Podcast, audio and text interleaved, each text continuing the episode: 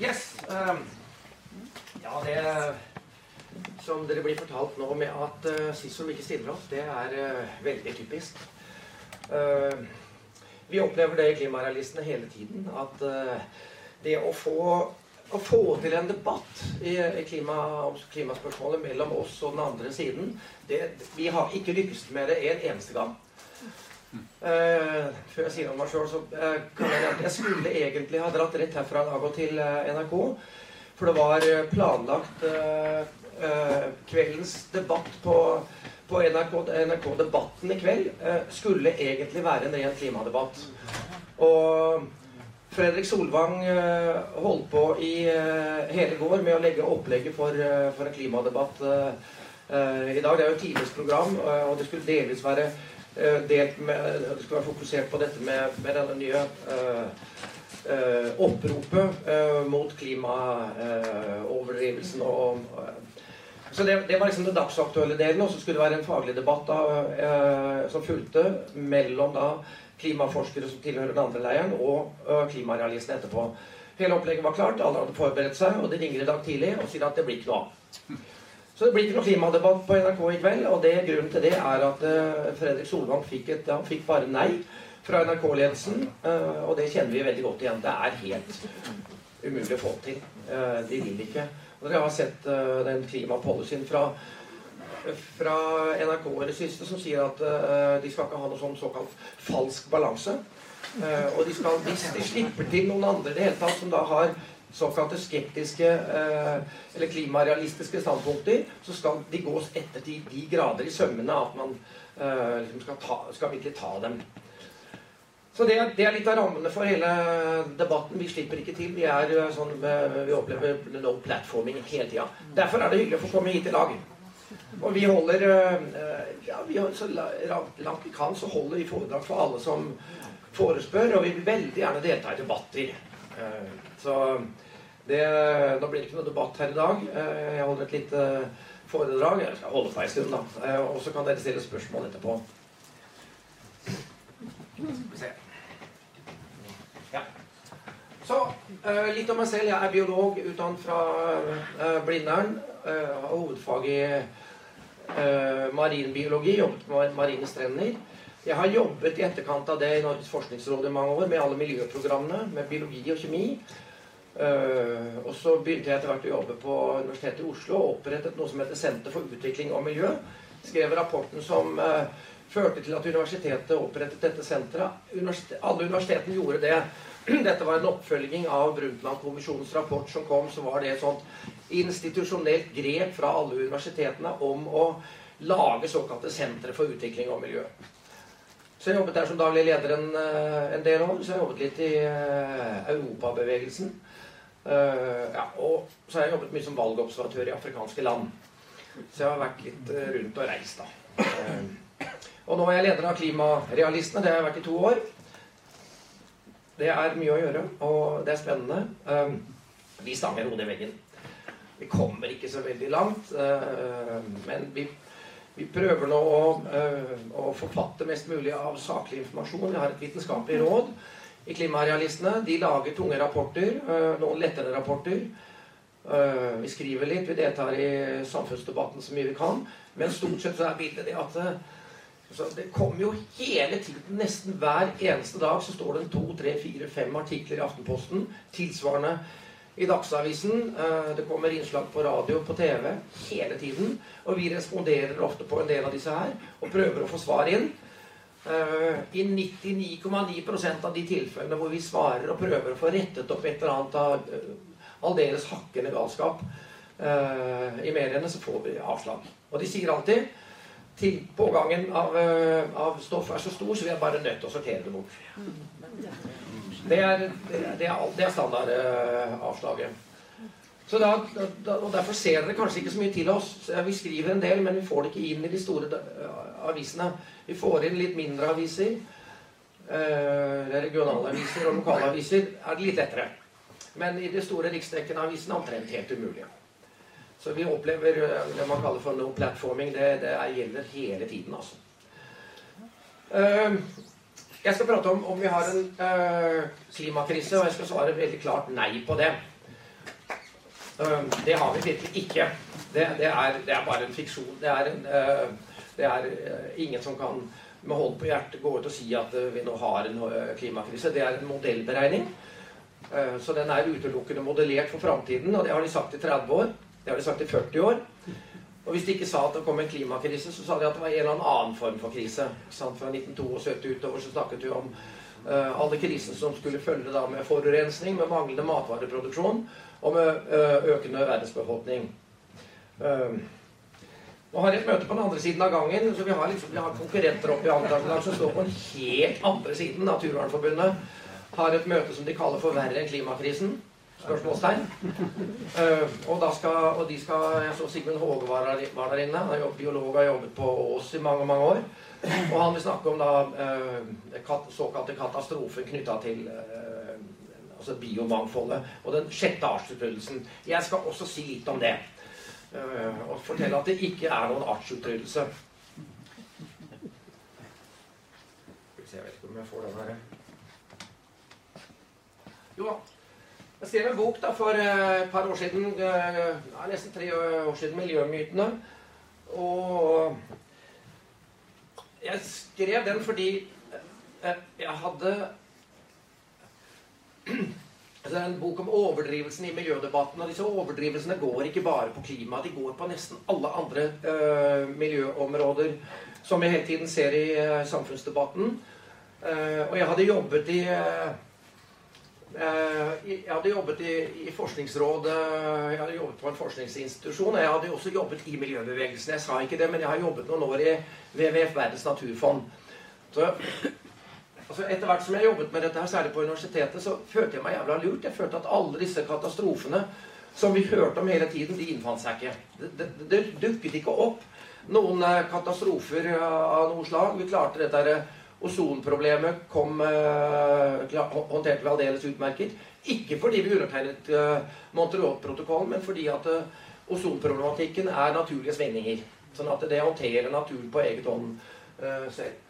Så ja, alle disse katastrofene, de, de, de sånn, Jeg var mye ute i naturen. Jeg er glad i å være, drive friluftsliv og fiske og, og reise rundt. Og jeg, altså, all min kontakt med med natur forteller meg at det er ikke noen, eh, det er ikke noen katastrofe der ute. Eh, og så kom boka til Bjørn Lombard. Den har kanskje noen av dere lest. 'Verdens samme tilstand'. En, den kom i 1998. Og det var en respons på rapporten til World Watch som kommer hvert år, som heter 'The State of the World'. Og så kalte Bjørn Lomborg boka si 'The True State of the World'. For de har jo da i årevis den originale rapporten fortalt om verdens undergang, og de driver også og stiller klokka til rett på tolv og to på tolv sånn hele tiden. Eh, og det kommer de til å fortsette med. Nå skal vi få den der dommedagsklokka her nede ved siden av Stortinget etter hvert òg. Så hvis ikke noen klarer å stoppe den, da. Eh, og så syns jeg etter hvert at miljøbevegelsen er faglig veldig svake. Eh, et eksempel på det kan være uh, nå i høst, uh, hvor vi hadde alle disse brannene. Uh, først i Amazonasområdet og etter hvert i Australia. Hvor da WWF gikk aktivt ut og sa at når det brenner så mye skog, så kommer vi etter hvert til å gå tom for oksygen i, i, i lufta. Og det er, Alt det er vranglære. Og det burde enhver i en miljøorganisasjon vite, at den lufta som vi puster her inne, og som er uh, ute der tilgjengelig for, for dyr og planter, uh, dyr da først og fremst, den kommer ikke fra, fra, verdens skoger, den kommer fra havet. Så det er fotosyntesen i havet som skaffer oksygen i lufta. Og når da uh, miljøbevegelsen i 2019 går ut og sier at når skogene brenner, så kommer vi til å mangle oksygen, så er det bare tull. Altså det er bare ett eksempel på hvor svake de er. Et annet eksempel på hvor svak det er, er at dette maset jeg holdt på med isbjørn. Men det kommer jeg tilbake til. Uh, og Så ble jeg etter hvert klar over at det finnes en masse egeninteresser knytta til uh, disse her katastrofene. Uh, dette er big business for forskningen. Det er mye lettere å få forskningspenger til et problem enn å få forskningspenger til å jobbe med et eller annet som er av ren grunnforskningskarakter. Så med en gang en forsker sender en søknad til et forskningsråd, så vil han prøve å, eller hun, å dirigere den inn til disse innsatsområdene, og ofte har de da i dag noe med klima å gjøre. Eh, politikere ikke sant? de slipper jo nå å håndtere sånn Hvor skal vi legge en liten barnehage et eller annet sted? Skal den ligge eh, på høyre eller venstre side av den åsen der, de reiser nå til Paris istedenfor. Erna gjør det, og drar til Paris for å redde verden. Det er de helt store. De har tatt på seg en sånn nesten gudelignende oppgave og funksjon. Uh, det, syns, det syns sikkert de er spennende. Uh, men, uh, men, det har jo tatt helt av. og mediene profitterer voldsomt på disse her krisene og katastrofene. Det er dårlige nyheter som selger. dette har blitt en ledende ideologi. Det er på en måte det. Altså, etter at hele kommunismen, sosialismen i Øst-Europa falt sammen, eh, 89, så ble eh, den ideologien i stor grad begravet. Og vet ikke hvor levende eh, kapitalismen som ideologi er lenger heller. Det som har trengt inn i hele det politiske landskapet, det er det grønne skiftet. Så dere vil ikke høre noe særlig forskjell på argumentasjonen nå i dag til en høyrepolitiker og, en, en, en, og Rasmus Hansson i Miljøpartiet De Grønne. De argumenterer omtrent like Eh, entusiastisk for det grønne skiftet.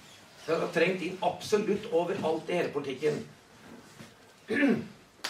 Og dette har noe med religion å gjøre. Det er, det er mye som, som, minner om uh, religion. Jeg skal ikke si noe mer enn det. Uh, og, og, det får, får, oss til å foreta en hel masse dårlige prioriteringer. Vindmøller er ett veldig godt eksempel på at, at vi er i ferd med å foreta valg som kommer til å ødelegge norsk natur framover i, i, i lange tider. Eh, biodrivstoff, enten det er eh, bioetanol eller biodiesel, eh, er like lite smart.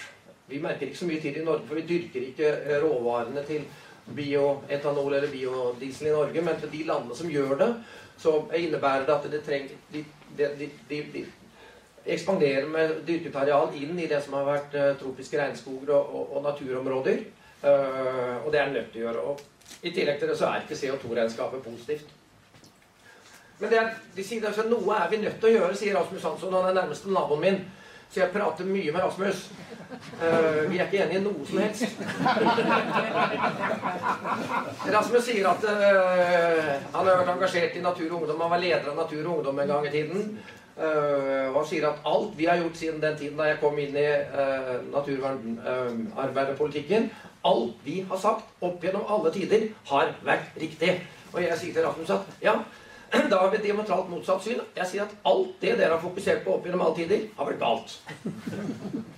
Det er kanskje litt overdrivelse, for det, er klart, det er noen miljø, reelle miljøproblemer der ute. Jeg skal ikke underslå det. Men, uh, men mesteparten av dem er overdrevne uh, eller ikke-eksisterende. Og til å begynne med så var det Dette var de tre hovedkatastrofene hvis vi går tilbake til 70-tallet. Dette er Roma-klubbens rapport, 'Limits to Grow', som kom i 1972. Jørgen Randers var med der. Eh, en av de sentrale. Og da var det matvarekrise, forurensningskrise og slutt på lagerressursene som var fokus. Um, og det uh, For å konkludere med den midterste der, altså forurensningskrise, den, den, er nesten helt borte. Er, den rike verden i dag har veldig få forurensningsproblemer. Uh, det er et institutt som heter Blacksmith Institute, som følger veldig med på på nettopp det, eh, og sier at den rike verden er stort sett uten alvorlig forurensning. Og det gjelder både til luft og til jord og til vann. Eh, det er igjen en del forurensning i fattige land, eh, særlig luft. Og hovedproblemet er innendørs luftforurensning. Og det er fattigdom. Så hvis disse er menneskene som lever med virkelig alvorlig øh, øh, forurensning hadde fått litt bedre økonomi og fått uh, lagt inn elektrisitet fra kullkraftverk, eller hva det er, så ville det reddet mange, altså oppimot en fire millioner menneskeliv hvert eneste år. Uh, og så er det Nei, jeg litt for fort fram. Så er det denne klimakatastrofen. da. Dere vil nesten ikke se et eneste problem i dag som ikke på, på et eller annet vis er koblet opp til klimakrisen i mediene og, og i den politiske analysen. Det, det, det, kommer fram sånne påstander om at det blir flere alligatorer i Themsen.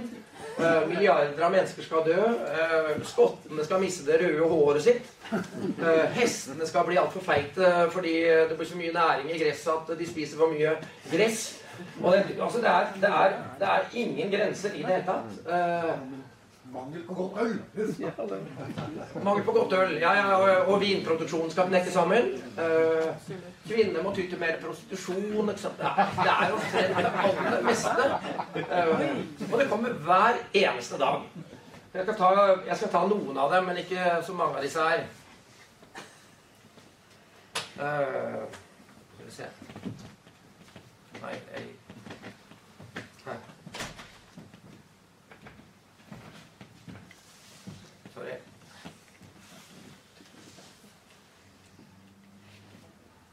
Trykka feil vei.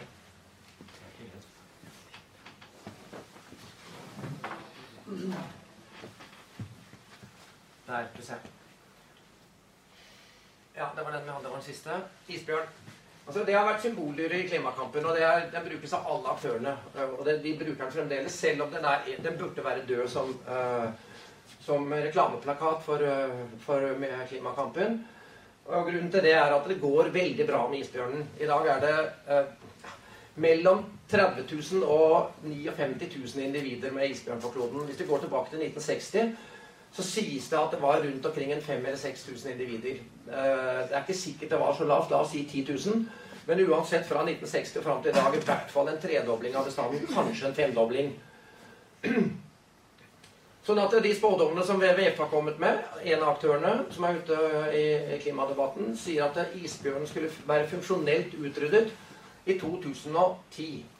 Eh, for de mente at altså, Ligningen er veldig enkel, og det er veldig mye av påstandene i klimadebatten er enkle. og Når det gjelder isbjørn, så er den ikke verre enn det at isbjørnen er avhengig av is. Det blir mindre is. Da blir det mindre isbjørn.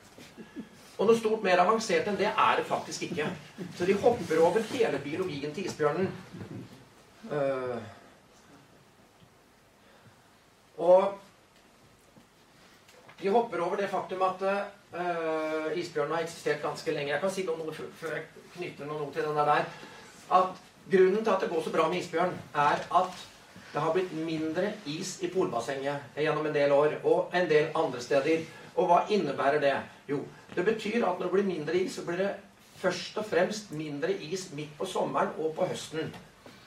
Og da sier alle disse klimaalarmistene at ja, da kommer det til å gå dårlig med isbjørnen, for at den jakter all maten som isbjørnen finner, den finner den på isen. Uh, den, og den spiser stort sett bare sel. Og den spiser i, i våre områder stort sett ringsel. Uh, men poenget er det at isbjørn spiser ikke ringsel på isen uh, på, på, på, sommeren. Fordi at selene, ringselen, den kaster, eller får unger, eller kaster ungene sine på isen for sent på vinteren og på våren. Sånn at den tiden da isbjørnen kan fange isbjørn og spise selunger, det er altså i april, mai og et lite stykke ut i juni. Da er det, da er det fremdeles både is, og det er øh, selunger på isen. Og når isen da forsvinner utpå sommeren, da går sel, øh, Det gjør den nå, da, men på det tidspunktet så er selen i sjøen uansett. Og isbjørn kan ikke fange sel i sjøen. De er ikke gode nok til å svømme til det. Sånn at uh, når det da har blitt uh, litt varmere vann, for det har det blitt, ikke fordi at lufta har blitt varmere, men fordi at det har kommet varme strømmer med varmere vann inn i polbassenget, så innebærer det at det blir øh, Det varmere vannet kommer også med næringssalter. Med de næringssaltene så blir det mer planteproduksjon, fytoplankton. Det blir mer zooplankton. Det zooplanktonet går inn etter hvert i en art som heter polartorsk. Polartorsken det er næringen for selen. Og når det blir mer sel, så blir det også mer isbjørn. Sånn at det er rett og slett gunstig for isbjørnen at det blir uh, mindre sommeris. Uh, det er en av grunnene til at bestanden vokser. Og det vil dere aldri høre referert i uh, den offentlige debatten. At det, det, er en biologisk grunn til at det går så bra med isbjørnen. Det er mange av dem, og de er ved veldig godt hold.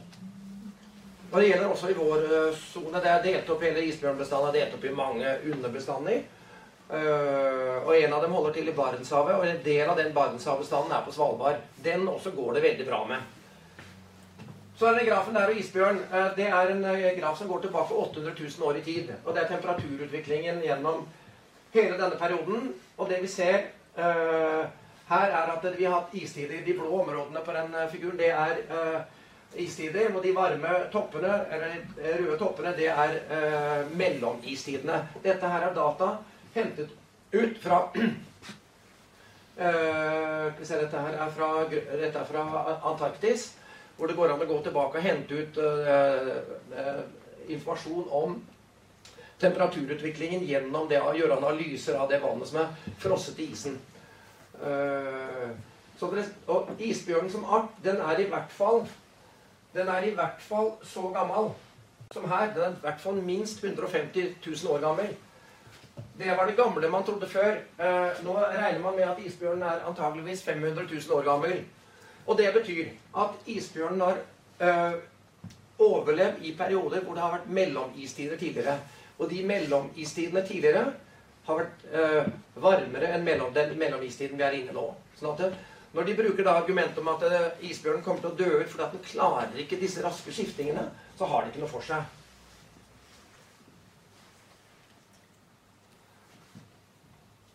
Uh, nei, det var den samme, vel. Det er en uh, kurve som viser hvordan temperaturen har variert etter den siste istiden. Den sluttet for ca. 11 000 år siden. Uh, der borte med blått. Og så har vi i etterkant av den siste istiden hatt ti varmeperioder. Uh, her er vi nå, så det er der vi er i uh, Før vi nå skal inn i en ny istid. vanligvis er disse mellomistidene her sånn. De varer en fra 10 000-11 000 år til en 15 000 år. Denne mellomistiden vår her som vi er inne i nå, den har vart i 11 11 år nå. Så den kan egentlig ta slutt når som helst. Men igjen så ser dere at alle de toppene som ligger bak oss uh, tilbake til siste istid, de har vært, har vært var, alle de varmeperiodene mellomistiden har vært varmere enn det vi har i dag. Og dette er jo en periode som isbjørnen har overlevd helt uten problemer. Uh, og i mange av disse tilfellene her så, så har det også vært Fader, den tuller bare.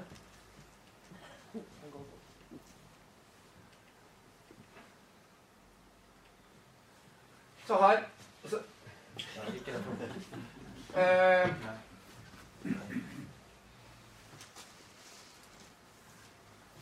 Jeg skal trykke på den derre Der, der,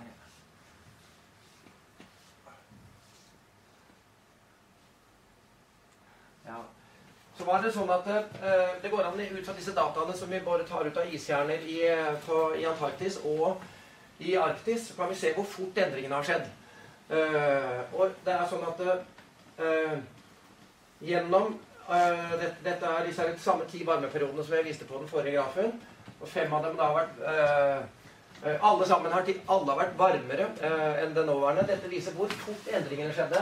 Og jeg har sett at både den og den og den og de to bortenfor der, der har endringene, temperaturendringene kommet raskere enn det det gjør i vår tid. Så det betyr at det har også dyrearter og plantearter og isbjørn klart å overleve disse ganske raske skiftingene som kom opp gjennom de, de, tidligere endringene. Så det er ikke noe nytt. Altså, når de bruker det argumentet hele tiden at ja, men klimaendringer i, i vår tid uh, de skjer nå så raskt at ingen dyr kan, og planter kan følge med på det, så er det bare tull. Fordi vi vet helt utmerket godt fra disse temperatur-isstjernemålingene på Grønland og Antarktis at dette her har vært helt normalt. Dette har skjedd mange ganger før. Ok. Dette var litt av utgangspunktet for uh, at klimadebatten eksploderte. Det hører meg like bra jeg ikke snakker inn i den. Ja. Altså, det, da den tredje IPCC-rapporten kom, uh, så var denne kurven de, de, to første hadde vært ganske moderate.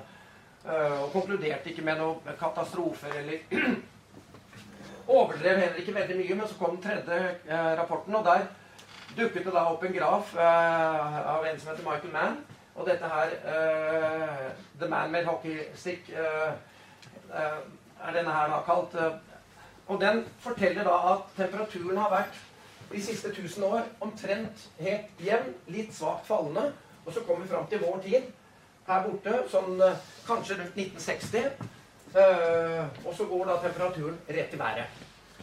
Og dette her var også den kurven som da Andreas Wahl viste på Folkeopplysningen, som gikk på NRK høsten 2018. Hvor de da øh, virkelig prøvde å drite ut oss klimarealister. Vi var tre stykker som var med på det programmet. Og da kom de igjen med denne her. IPCC de sluttet å bruke den i denne rapporten. Den lå bare framme én gang. Så i tredje rapporten der brukte de den. Etter det har de ikke uh, tatt den fram igjen. Uh, det hender at det dukker opp av og til uh, noen tilsvarende kurver. Men men stort sett så er denne her helt død. Og de kurvene jeg har vist dere nå så langt, viser at temperaturen har gått helt enormt opp og ned. Og i tillegg til at vi vet det ut fra uh, disse temperatur- og kjernemålingene fra Grønland og fra Antarktis, så vet vi det. Det er historiske nedtegninger om det. Vi har veldig gode kunnskaper om at det har vært varmere og kaldere i tidligere perioder. Går vi tilbake f.eks. til Skal vi se om jeg har tatt med det i etterkant her. Ja. Uh, her er, dette her er uh, hvordan temperaturutviklingen virkelig har vært gjennom 4000 år. Her ser dere den minoiske varmeperioden her borte. Det er også bronsealderen. Og i bronsealderen eh, var det varmt og godt. Matvareproduksjonen var stor, høy. det og fordi det også var et varmt, godt klima, så var det ganske rolige vindforhold og lite stormer og orkaner og sånt noe.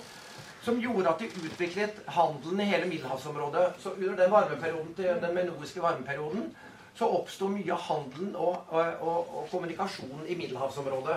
Hjulet ble funnet opp i denne tiden her. Det er kanskje en av de største oppfinnelsene mennesket noen gang har gjort. Uh, I dag så er hjulet det er ikke noe kjempesak med hjul, men det var den gang i tiden da det kom. Eh, I den minoiske varmeperioden så var det også sånn at man dyrket hirse, eller sorghum, i Skandinavia. Det er da en tropisk kornart som eh, i dag bare kan dyrkes enten i tropene eller subtropene. Men den ble dyrket i Skandinavia i den minoiske varmeperioden, i bronsealderen. Uh, så det er, ikke, det er, ikke, tvil om Vi har en masse historiske data knytta til hvor, at disse varmeperiodene har vært der. Og vi har masse historiske kunnskaper knytta til at i de varmeperiodene så hadde menneskelige kulturer veldig mye bedre. I den der middelalderens varmeperiode, det er nå ca. 1000 år siden, nesten alle de store katedralene i Europa ble påbygd på den tiden.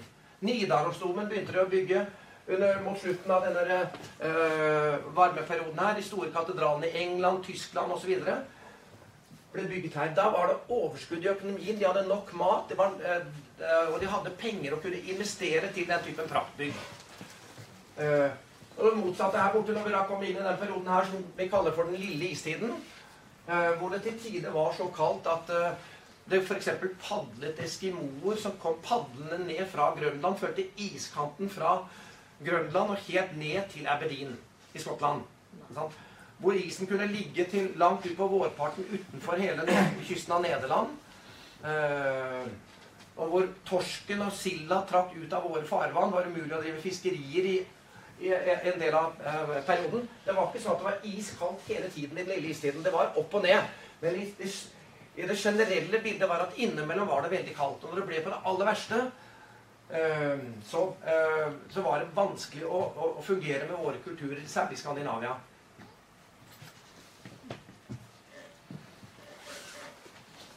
Men dette har de, da, dette har de nå tatt bort alle disse her, i, i den derre hockeykurven til menn, og disse kurvene som da øh, svarer til den hockeykurven til mann, øh, så er alle disse her historiske klimasvingningene er borte. Ja, det er historieforfalskning. Alle, altså, de, de, de, kaller oss av og til for klimafornektere. Vi kunne jo kanskje kalle dem tilbake igjen og si at da er de historiefornektere. Eller faktafornektere. Fordi det å fornekte at dette her fant sted Vi har så mange historiske nedtegninger som forteller at dette skjedde. ikke sant? Vikingene koloniserte Grønland her borte, og de dyrket korn på Grønland.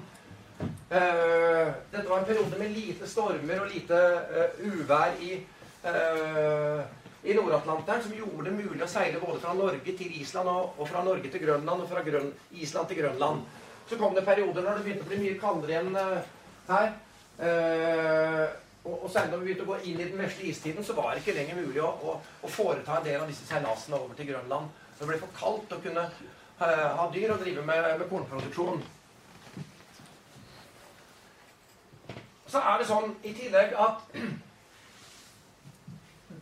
det er veldig viktig å se på når disse endringene starta. fordi at det, det, var egentlig først etter 1960 at CO2-konsentrasjonen i luft ble såpass stor uh, at den kunne ha en teoretisk effekt uh, på klimaendringene. Sånn at, uh, så at drivhuseffekten da kunne bli så stor at vi fikk en annen temperaturutvikling. Og da skulle vi forvente at da skulle egentlig alle disse endringene skulle da komme parallelt med den der stigningen fra 1960-tallet utover. Vi har dette tror jeg er data fra England. Det er bare ett sted i verden hvor vi har temperaturkurver målt med termometer som går tilbake noen hundre år. Og det er tilbake til rundt 1650 eller noe sånt nå. Ja, så dette, være, dette, er sentralt i England.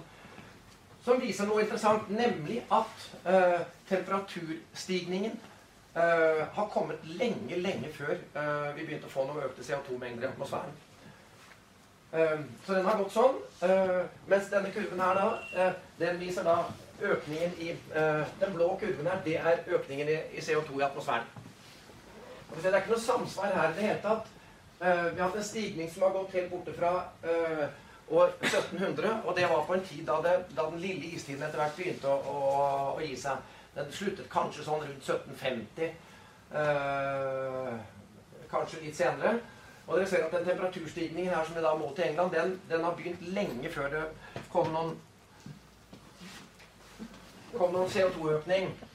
Og dette her er eh, tilsvarende da for havnivåstigningen. Eh, da skulle vi forvente at uh, hvis denne CO2-hypotesen er riktig, at havnivåstigningen skulle komme her borte fra et eller annet sted. Etter 1960, for da begynte CO2-mengden i atmosfæren virkelig å øke. Men det vi ser her, er at i hele den perioden her fra ca. 1840-1820 så har vi en ganske jevn stigning av havnivået.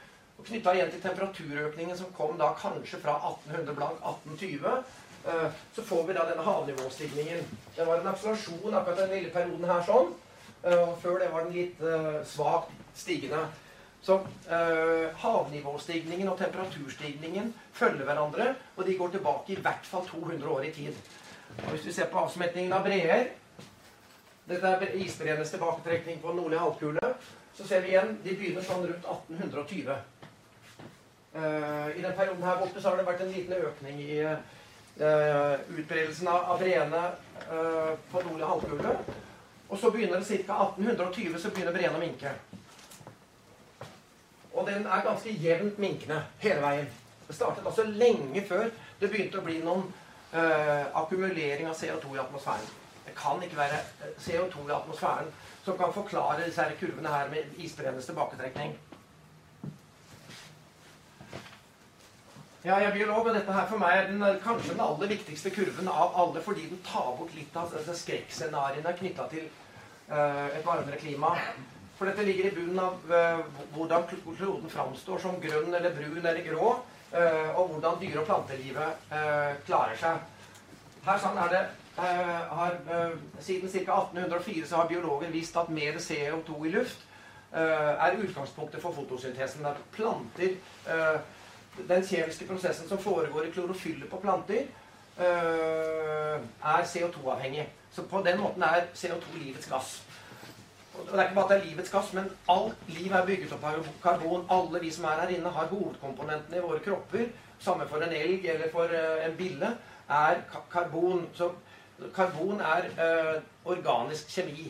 Og det er bare én innfallsport for kjemi inn i alt levende liv, og det er CO2.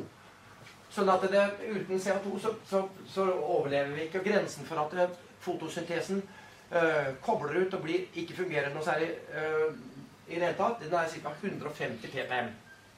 I dag har vi rundt 410-415 ppm i atmosfæren, eh, så vi er litt betryggende over det nå. Men, men, eh, men etter den siste istiden var det kanskje ned i 180 ppm.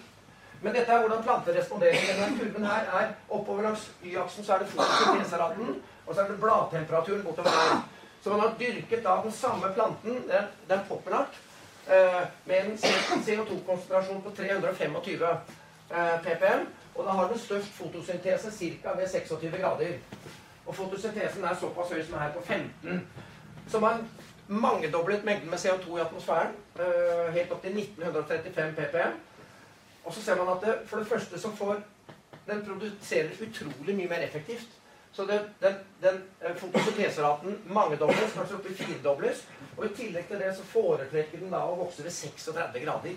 Så den øker altså Uh, temperaturspennet her er på 10 grader. Og dette er viktig fordi at uh, IPCC sier at det, det, blir varmere fordi det, er, uh, det blir mer CO2 i atmosfæren. CO2 kommer først, sier de, og så kommer da temperaturen etterpå. Og så sier at den kombinasjonen klarer ikke dyr og planter. Og da burde alle biologer svare tilbake at ja, men mer CO2 i atmosfæren fremmer alt biologisk liv. Og på en dramatisk måte. Så dette kan vi, ikke, dette kan vi måle eh, f.eks. Eh, ved å se på i hvilken grad kloden har blitt grønnere. Den har blitt utrolig mye grønnere. I løpet av en periode på 30 år så er da det som står her det der lie der borte, Leaf Area Index, altså i hvilken grad du finner blader, og hvor tett du finner disse bladene, mengden av dem, har økt betraktelig da i løpet av denne perioden her fra 1982 til 19, 2009. Eh, de kineserne som har stått bak disse studiene, sier at mengden av grønt areal på kloden i løpet av den 30-årsperioden er like stor som det doble arealet av USA. Og det er altså, Når vi snakker om det motsatte, at det, eh, mer CO2 i atmosfæren og høyere temperatur kommer til å utrydde alt dyr- og planteliv, for det er det vi hører hele tiden, så er dette realiteten. Dette er det vi måler. Det andre, de der som IPCC og Naturvernforbundet holder med på på den andre sida her borte nå, de forteller at, at, verden kommer til å gå under. Men det er utelukkende modeller. Dette her er reelle data uh, gjort med satellitt. Vi begynte å få satellitter i bane over kloden i 1979. Så dette, og det, dette vet vi helt utmerket godt. Uh, kloden blir grønnere. Og det betyr også at ja, Jeg skal vise etterpå hvordan matvareproduksjonen følger med.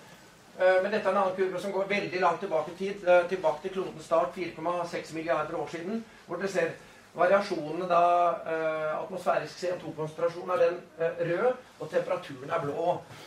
Eh, så gjennom disse 4,6 milliarder år så har temperaturen variert veldig mye.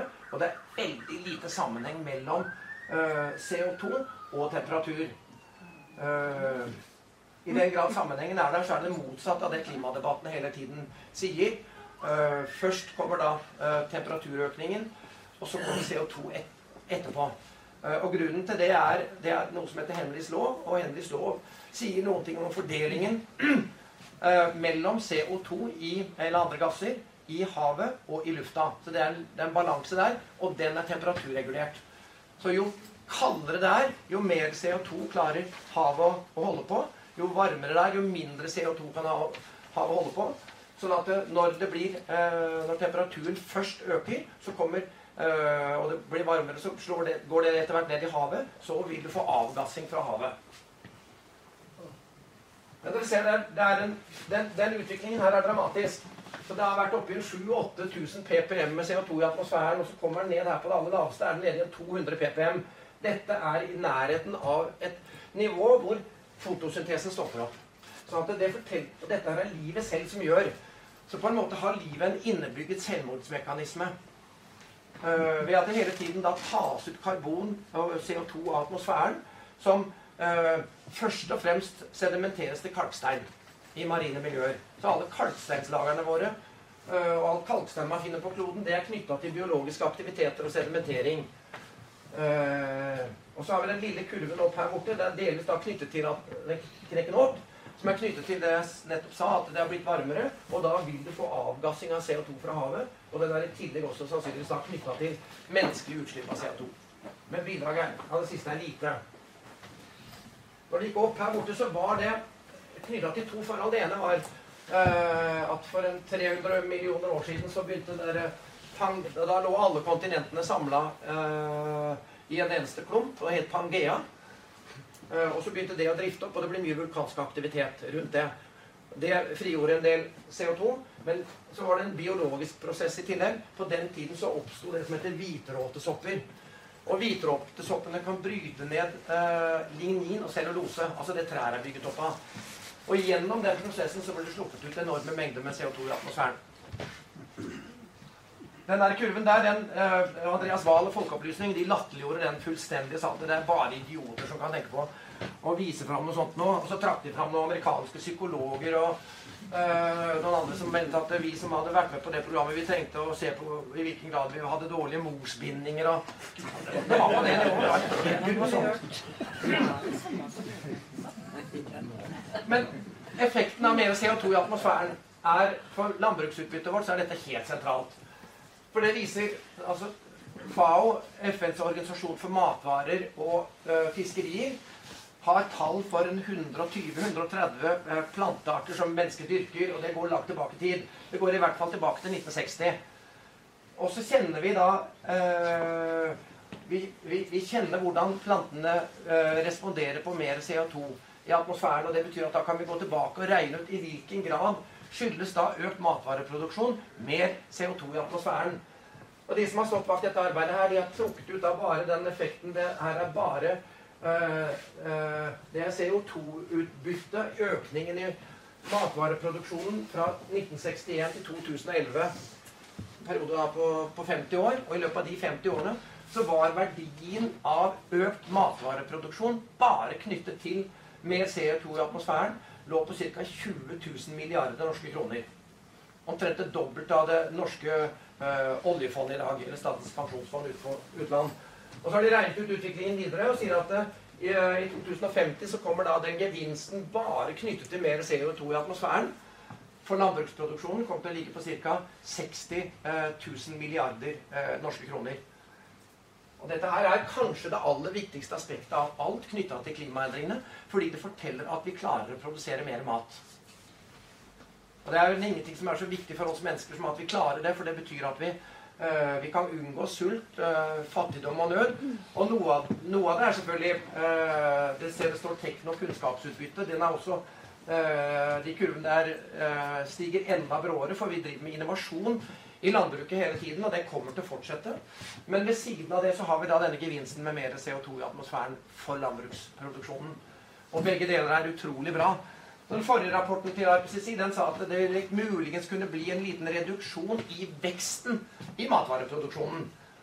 Hele norske presse unisont og Bjerknessenteret i Bergen gikk da ut øh, og sa at øh, klimaendringene vil gi en senket matvareproduksjon.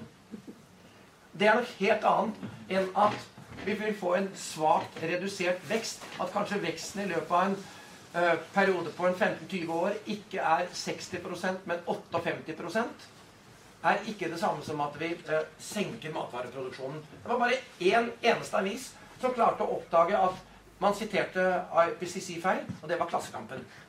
De hadde en jævla bra artikkel på det. sa at en av forskerne på, på Bjerknessenteret gikk veldig hardt ut i den debatten og sa at uh, han sitter selv i IPCC og, og sa at matvareproduksjonen kommer til å synke. og måtte rettes opp av Klassekampen. Det var litt morsomt. Vanligvis er det ikke det Klassekampen som tar det. Det er veldig mange grunner til at planter er så glad i CO2. Uh, eh, og det er uh, altså, Og effektene er, er store. de tåler de kan, En veldig viktig effekt av mer CO2 i atmosfæren er at planter kan vokse med mindre vann. De kan vokse med mer forurensning i lufta. Og det som er helt sentralt her, det er at de der spalteåpningene i stomata det sitter på undersiden av alle planters blader. Der har de da sånne åpninger hvor de puster inn, og der tar de inn da CO2 uh, på dagtid. Og så slipper de ut uh, oksygen. Og det, så snus prosessen om natta. Uh, men når det blir mer CO2 i atmosfæren, så behøver de ikke så mange spalteåpninger. Og poenget med de spalteåpningene er at Eh, gjennom dem har planten vanntap. Og når planter får mindre, eh, færre spalteåpninger og mindre spalteåpninger, så har de mye mindre vanntap. Og det er viktig for all planteproduksjon. Det, alle planter kan altså vokse i tørrere omgivelser. Eh, nå Ved juletider så hadde vi jo sånn enormt fokus på alle brannene i Australia.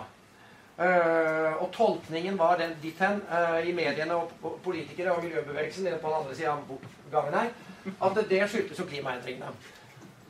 Kanadiske forskere går ut og sier akkurat det motsatte. At realiteten er at vi har vi har ikke økninger i ville branner i, uh, i, det hele tatt. Nedgangen er på ca. en tredjedel gjennom en periode på 50 år. jeg. Så det er en vesentlig nedgang i branner i natur.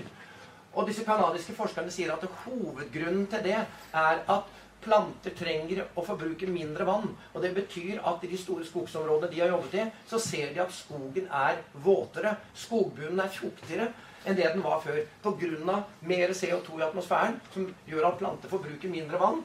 Og da blir eh, eh det færre skogbranner. Det er deres forklaring. Den vil dere aldri verden få servert i Aftenposten Ole Mattismoen. Men andre, jeg har ikke fått i Aftenposten heller at de har eh, arrestert og fengsla tusenvis av pyromaner borte i Australia. Tusenvis av innsatser. Så på disse brannene. Så det er en annen side av det. Og den andre siden av det er at man har forvaltet da området både i Australia og i uh, California, disse andre områdene hvor det brenner veldig mye, på den måten at de ikke lenger fjerner brennbart materiale i skogene. Og det har de Aboriginerne i Australia gjorde det før. De gjorde det uh, gjennom alle tider. De brant kontrollerte branner. Uh, og det vil miljøbevegelsen i Australia i dag ikke ha noe av. Så dere kan gå inn på nettet og titte litt på uh, miljøbevegelsens protester mot brenning av kontrollert brenning i, i skog i Australia. Så det har, det har avtatt. Og, og, når det da har blitt sånne enorme mengder med brennbart materiale i australske og californske skoger og andre steder, så blir brannene mye villere. Men den effekten her på planter er dramatisk, og den er veldig positiv. Her er satt opp en tabell som viser litt hvor mye større matvareproduksjon vi får knytta til en Dette er vel 300% 300 ppm økning av CO2 i atmosfæren. Eh, dere ser tallene er veldig store for røtter og rotfrukter. 48% økning. For andre grønnsaker 36% økning. Så dette er, no, dette, dette er ikke bare teori. I motsetning til alt det som IPCC-folka og, og, disse klimamenneskene holder på med på SISFEL og andre steder hver dag, bare sitter og regner på modeller, så er dette praktiske forsøk uh, enten i drivhus eller utendørs. Uh, eller Øker man CO2-konsentrasjonen, så må man gjøre det innendørs. da. Og dette, all, alle som holder på med Alle gartnere som, som, holder på med produksjon av noe i et drivhus, gjør jo dette hver dag. Og det er gjort til, i, i tiår etter tiår. De pumper CO2 inn i, inn i drivhusene og får den effekten her. Ja, jeg skal, klimadebatten har mange rare aspekter. Uh, en av påstandene har vært at vi får mye mer malaria. Eller vi får mer flått uh, og borreliose. Uh, de sier ikke så mye om det nå. Den første, andre og tredje IPCC-rapporten var full av dette her. Og da var ligningen var omtrent like enkel som det den er for isbjørn. Og man på isbjørn sier at ja, det blir mindre is. Isbjørn er avhengig av is. Det blir mindre isbjørn. Og så sier man tilsvarende da på malaria at malariamyggen er avhengig av temperatur. Uh, den liker når det blir varmere. Det blir varmere, ergo blir det mer malariamygg. Og da kommer folk til å dø av malaria. Dette er hva som skjer i virkeligheten. Så dette er tall fra uh, Verdens helseorganisasjon. I år 2000 døde det 839 000 mennesker av malaria i verden. I 2015 så døde det litt over 400 000. Altså det er en, uh, en nesten halvering i løpet av en periode på 15 år. Og de har en nullvisjon for malaria. Uh, og realiteten er noe helt annet. Altså, malaria er ikke knytta til temperatur. Det er ikke det som det er ikke det som er den viktigste årsaksfaktoren til å få malaria i et samfunn. Vi har hatt malaria i Norge. Vi hadde malaria vi hadde malaria i England, Danmark, eh, Nederland, store deler av Russland har hatt malaria ganske tett opp i vår tid. Og den ble utryddet i en periode hvor det ble varmere. Det som betyr noe for malaria, er fattigdom. Det er en fattigdomssykdom. Og det viser den kurven her fra Verdens helseorganisasjon. Det er i Afrika folk dør av malaria. Det så dere på den forrige kurven òg. Så når det er brutto per innbygger er lav, Eh, så får man da store mengder med malaria uh, malariadøde uh, per, per, milliard. Så, og Det hadde vi i USA en gang i tiden. Og så lenge det var fattigdom i USA, langt ut på 1800-tallet, så døde mange amerikanere av uh, malaria. Og så ble USA rikere og rikere og rikere, og etter hvert så forsvant malaria som sykdom. Det samme her også.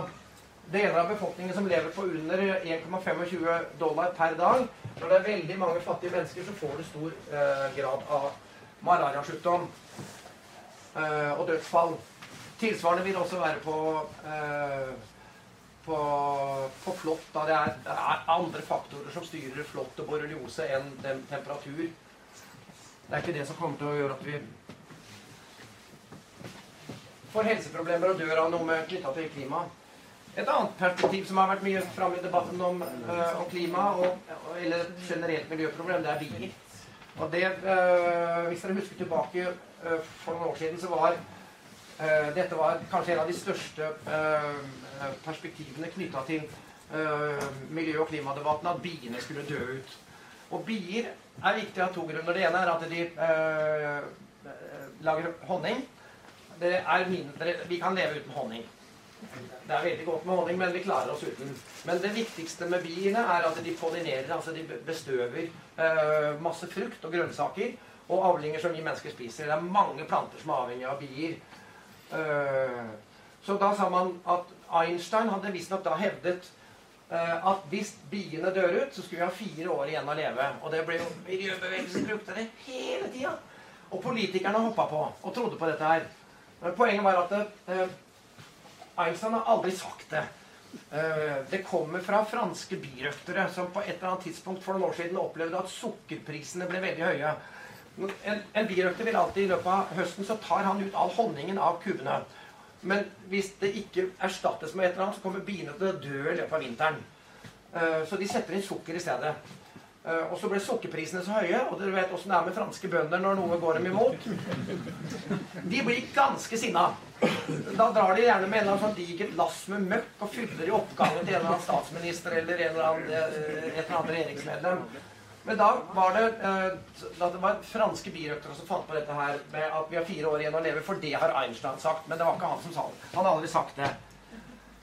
Altså Det dukket opp da noe som het uh, CCD, Colony Collapse Disorder, står det for. Og Det kom i 2006-2007. Og det som skjedde var at I løpet av vinteren så forsvant biene ut av kubene. Så eh, I noe sånt som uh, mange steder rundt omkring på kloden så ble en tredjedel av bikubene tomme i løpet av vinteren. Og de var bare søkk vekk. Man fant ikke biene noen steder. De var, de, de var bare forsvunnet. og man begynte å tenke at altså, Så skulle man finne en syndebukk, da. Uh, og det var Ja, det var det jeg sa. Det, altså, de bruker jo sterke ord, da. Bipokalypse, bimageddon. Dette er jo ord som virker veldig sterkt i uh, og for svake sjeler i miljøbevegelsen.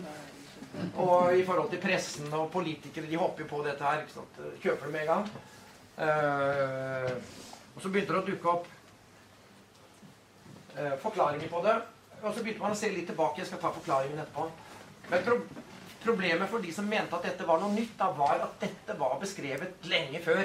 Allerede i 1853 så, øh, så var han som fant opp den moderne bikuben, det var en som het Lorenzo Langstrot, han beskrev problemet i 1853. Og det er beskrevet mange ganger etterpå. Øh, helt fram til vår tid. Sånn at da, da, kan det umulig f.eks. være altså En av forklaringsmodellene som ble lagt fram, var at Biene flyr ut av kubene sine pga. mobiltelefoner.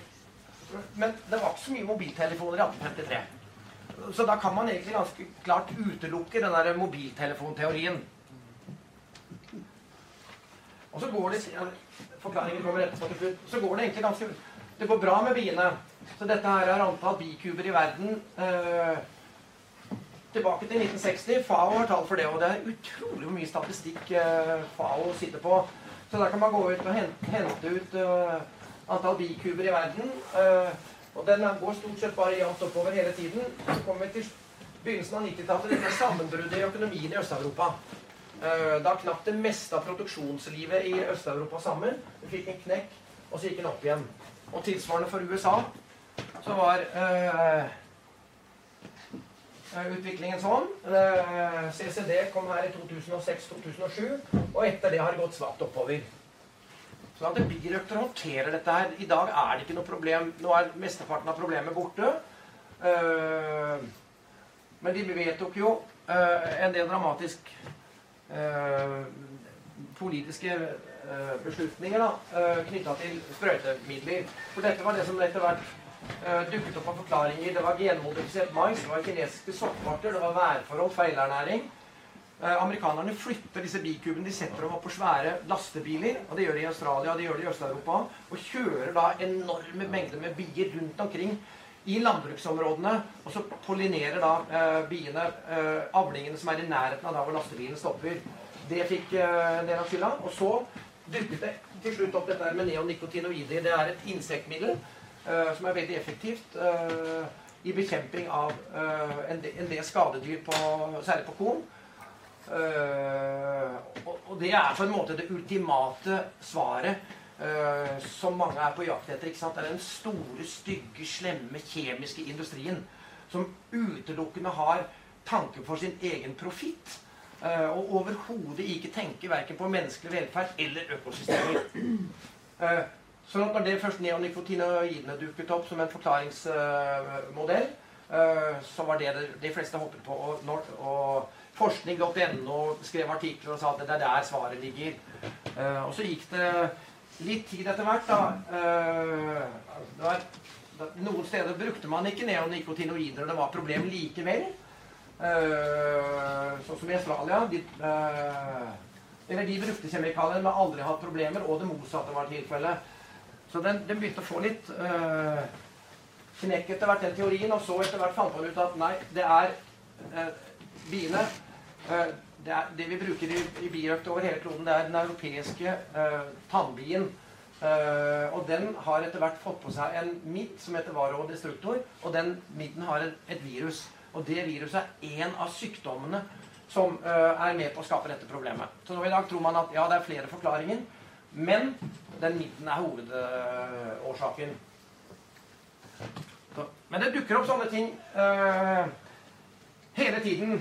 Uh, med, med, nye problemstillinger som dukker opp. Når, når, når, altså, de, de, er ikke veldig aktive med å bruke isbjørn for tiden. fordi at den, den, når det går så bra med isbjørnen, så innser de fleste at det er et dårlig eksempel med å finne på noe nytt.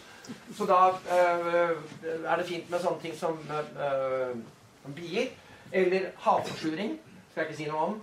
Uh, eller øh, pingviner kan innimellom dukke opp som et stort problem. Så går og år, så koker det meste bort i kålen, for man finner ut at det går jo ganske bra. Kurven her er veldig viktig. Politikerne våre skriver uh, hele tiden at vi lever i naturkatastrofenes århundre. Det sto en kronikk om det i Aftenposten for noen år siden. Uh, med Erik Solheim, Børge Brende og en til. Uh, toppolitikerne som, da mente at det, det, folk dør som fluer av klimaendringer. Dette her er den reelle utviklingen. Det er en database i, Nederland som heter CRED. Uh, som har gjennom periode på 100 år ført statistikk over dødsfall knytta til hva som skjer i naturen. og det, kan jo, det er både da vulkanutbrudd, jordskjelv og slike ting. Og det er alt som har med tørke, flom og voldsomme stormer og sånt å gjøre. Og dette er utviklingen for de klimarelaterte dødsfallene. De går altså ned med omtrent 99% i løpet av en periode på 100 år. Og det her er knytta til ett forhold, øh, først og fremst, og det er at vi begynner å kontrollere tørke. Så den aller viktigste faktoren for at folk dør av klimarelaterte hendelser, det er at regnet uteblir, Avlingene slår feil, og folk sulter i hjel. Det skjer fremdeles i dag. Det har skjedd gjennom alle tider at vi får tørke. Men nå, takket være fossil energi, så er vi i stand til å komme hit. For det vi har gjort i hele den nedgangen av den kurven der, er at vi har fylt opp lastebiler med korn, med mais, med andre næringsemner. Og så har vi ved hjelp av fossil energi, enten i lufta eller på bakken, så har vi fraktet inn nødhjelp og matvarehjelp til disse som utsettes for tørke. For det kommer på Afrikas Horn hele tiden. Det, det, det, og det kommer andre steder i verden. Det kommer i, i Mellom-Amerika og andre steder. Så inntrer det tørke. Og så bruker vi fossil energi til øh, å rette opp problemet. Og det er jo akkurat det motsatte av det dere hører i debatten hele tiden. Hvor alt med olje, gass øh, bensin, diesel, alle disse drivstoffene, flybensin, blir demonisert og sier at det er der det største problemet vårt ligger. Det er knytta til at vi bruker hele tiden fossil energi. Men svaret er mye større grad dette. Det er det som har hindret at vi har disse voldsomme øh, avgangene i klimarelaterte øh, dødsfall. Det blir mange, som, mange færre som dør. Ja, jeg sa litt om det der at det er mye mindre som brenner. Øh, det er en kurve på det da, at brent areal reduseres øh, hele tiden. Så det er ikke sånn at et varmere klima uh, gir, uh, uh, gir mer skogsbranner. Dette er temperaturkurven i denne perioden. Svakt økende hele veien. Og dette her er utviklingen da på branner i naturen. Følger hverandre ikke i det hele tatt. Det blir mindre branner i naturen. Pingviner skal stadig dø ut. Han der gamle direktøren oppe på Polarforskningsinstituttet, Jan Gunnar Winther, holdt på med det hele tida. Uh, uh, tre arter. En som heter adeliepingvin, en som heter keiserpingvin, og en som heter uh, kongepingvin. De er de tre artene som er knytta til is. Alle de tre artene går det veldig bra med. Det er voksne bestander. De er kjempesvære. Og de overlever pga. én mekanisme, og det er at det fra det polpunktet på Pingviner er bare på Sørpolen. Uh, og fra uh, polpunktet her oppe så blåser det alltid en fralandsvind. Det blåser alltid fra toppen av Sørpolen og mot kysten. Og den vinden den dytter isen ut fra kanten eh, på Antarktis. og så får du en oppvelling fra dypere vann som bringer varmere vann opp fra dypet. Så får man disse såkalte polynjaene. Nei, jeg liker ikke det her.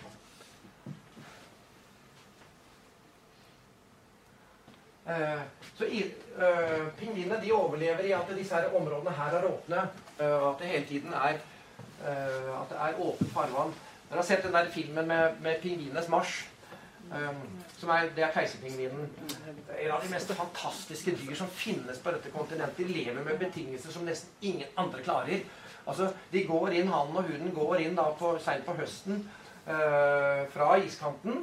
Og så går de inn, og så legger hunden legger eggene sine på føttene til hannen. Og så står han der i 60-70 kuldegrader i orkan i fire måneder og ruter fram disse eh, eggene. Eh, det, at det går an er helt utrolig. Hannen er litt større enn hunden og har litt mer fettressurser. Så han klarer å stå der lenger enn det hundene klarer. Derfor så er det så hundene, etter at de har lagt eggene på føttene til, til gutta, så går hun tilbake til disse poliniaene. Uh, og så uh, går det fire måneder, og da uh, klarer ikke gutta mer. Da kommer damene tilbake igjen, og så overtar de. og da går hannene går tilbake da, til disse polynene. Og hvis det har skjedd at mot formodning vinden har snudd og blåser motsatt vei, da har disse her områdene blåst igjen. Og da er det ikke åpent vann der, da er det is der. Og da dør pingvinene. Da dør både hannene som er på vei fra uh, et lite stykke inn på isen, og da dør hundene etter hvert når de skal ut igjen. Så altså, virkelig uh, Disse har en skjebne som is blowing in the wind. Så til de grader. Uh, og det innimellom så hender det at, at, vinden kan snu, at det blåser pålandsvind. Og da kan vi få da, da, vil disse pingvinene forsvinne. Da finner vi dem som regel ikke igjen. De blir bare borte. Og i våre dager når det skjer, så er forklaringen umiddelbart Klimaendringer. Selvfølgelig. Men det er altså et sånne sjeldne tilfelle hvor vinden for en gang har, snudd. Dette er kanskje det aller vanligste spøkelset knytta til klimaendringer. Og det er at når det blir eh, varmere, så kommer havet til å utvide seg. Og utvidelsen fører til at havet stiger. Og i tillegg så smelter det da både breer på fastlandet og, øh, og i Antarktis og Grønland. Så tanken har vært da, øh, og dette er omtrent helt umulig å tilbakevise, øh, at lavtliggende øyer, særlig i Stillehavet, alle koralløyene kommer til å drukne. Det, det, er, det, er, påstanden. Um, og Derfor så arrangerer da Maldivenes regjering har da gjennomført sånne møter under vann hvor de da sitter uh, Hele regjeringskollegiet har, sitter i froskemannsdrakt på bånd med uh, papirer og på stoler og med bord og alt mulig. Og så går de bildene verden rundt, og de forteller hele verden at uh, dette er vår skjebne. Sånn kommer vi til å måtte gjennomføre regjeringsmøter i årene framover under vann. ikke sant? For at de, Dette her er en sånn koralløy da, med en sånn lagune inni midten og så en øy rundt. og tankene, altså Disse her er aldri mer enn to-tre meter over havoverflaten. De, de, blir aldri høyere enn det. Fordi at eh, Kommer man litt høyere opp eh, i høyden, så, eller 3-4-5 meter over havoverflaten, så tar vindene så, får så stor kraft at eh, de blåser bort det som er av løst materiale på en sånn koralløy. Så det er mye lettere å etablere en sånn koralløy med materiale sand og grus og sånt, og helt nede ved havoverflaten. Disse øyene kan ikke synke i havet. Det er helt umulig. Dette er nemlig ikke en daud sak. En koralløy lever. Og den lever med disse her korallene som er tegnet i grønt her rundt. Det er levende koraller. Tilsvarende på den andre siden. Uh, og de korallene her de, uh, Koraller er et dyr. Men, men, de har et samliv med uh, alger. Og, og, sammen da, så, så de, de har, Algene har fotosyntese, og til sammen så produserer da den der symbiosen De produserer stein. Enkelt og greit. En korallrev er det, det, når dere går på det og opplever det, så vil dere tenke at dette her er stein. Helt ordinær kunne vært granitt eller øh, rombeporfyr eller et eller annet noe. Men det er altså laget av, av korallene. Og det som skjer, er at når havet stiger, så vil alltid øh, korallene produsere nytt korallmateriale. Så det følger hele tiden tritt med havnivåstigningen. Uh, og det har vi vist Charles Darwin var den første som forsto det. På sin reise med Beagle i 1804 så skjønte uh, Charles Darwin at uh, koralløyer er levende systemer, og beskrev hvordan det fungerte.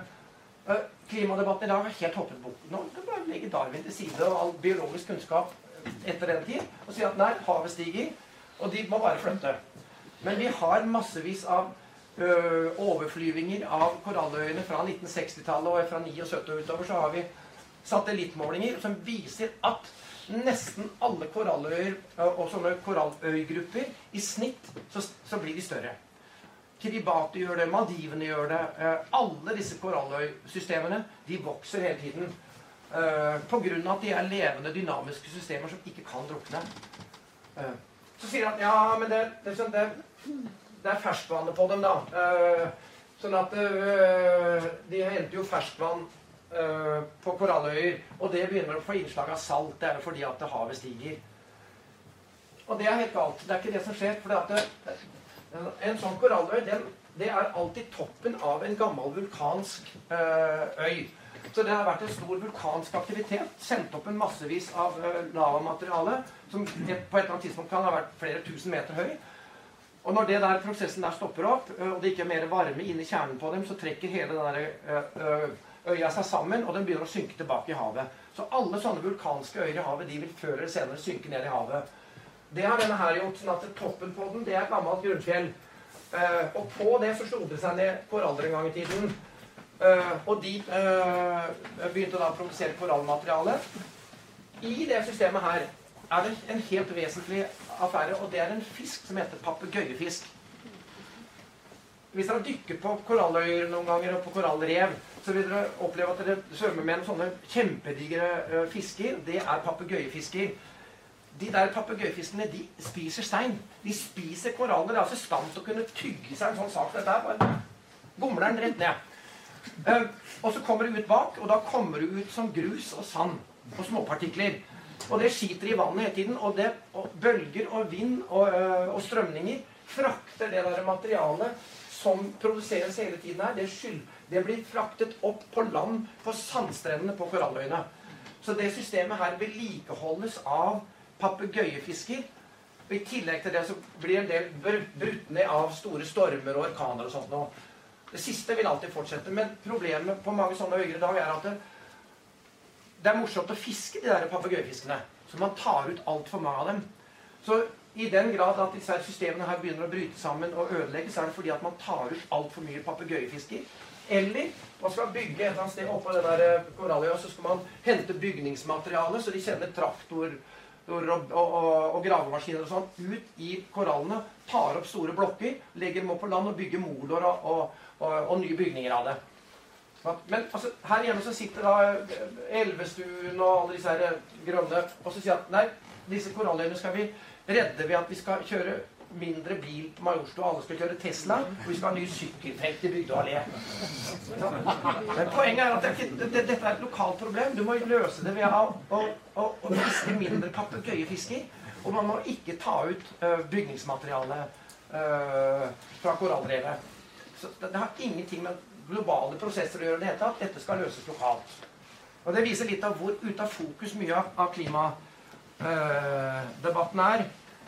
Et annet problem som dukker opp hele tiden med, uh, i miljødebatten, også ikke minst knytta til klima, det er det de snakker om på den andre siden av gangen her nå. Dette er et problem som kanskje er større enn klimakrisen. Og da sier de at kloden er inne i en prosess uh, med den sjette artsutryddelsen. Vi har hatt fem før, og det var knytta til sånne prosesser hvor det slo ned meteorer og, og, og himmellegemer som datt ned på jordkloden, som førte til et helt nytt klima. Og 75-80 av dyre- og planteartene døde ut sånn nesten momentant. Og så sier da eh, disse klimafolka i dag at eh, nå gjør vi det samme en gang til. Og da er problemet akkurat det samme. Hvorfor sier de det? Jo, fordi at modellene sier det. De har regna på det. De har puttet det inn i et eller annet mystisk eh, matematisk formel uh, som virker helt ubegripelig for folk flest, for at vi skjønner ikke den typen matematikk. Uh, og så sier han ja, det kommer til å gå gærent. Og det dør kommer antagelig, vi skal dø Det vanlige tallet som florerer, er 40 000 arter som skal bli borte fra kloden i året.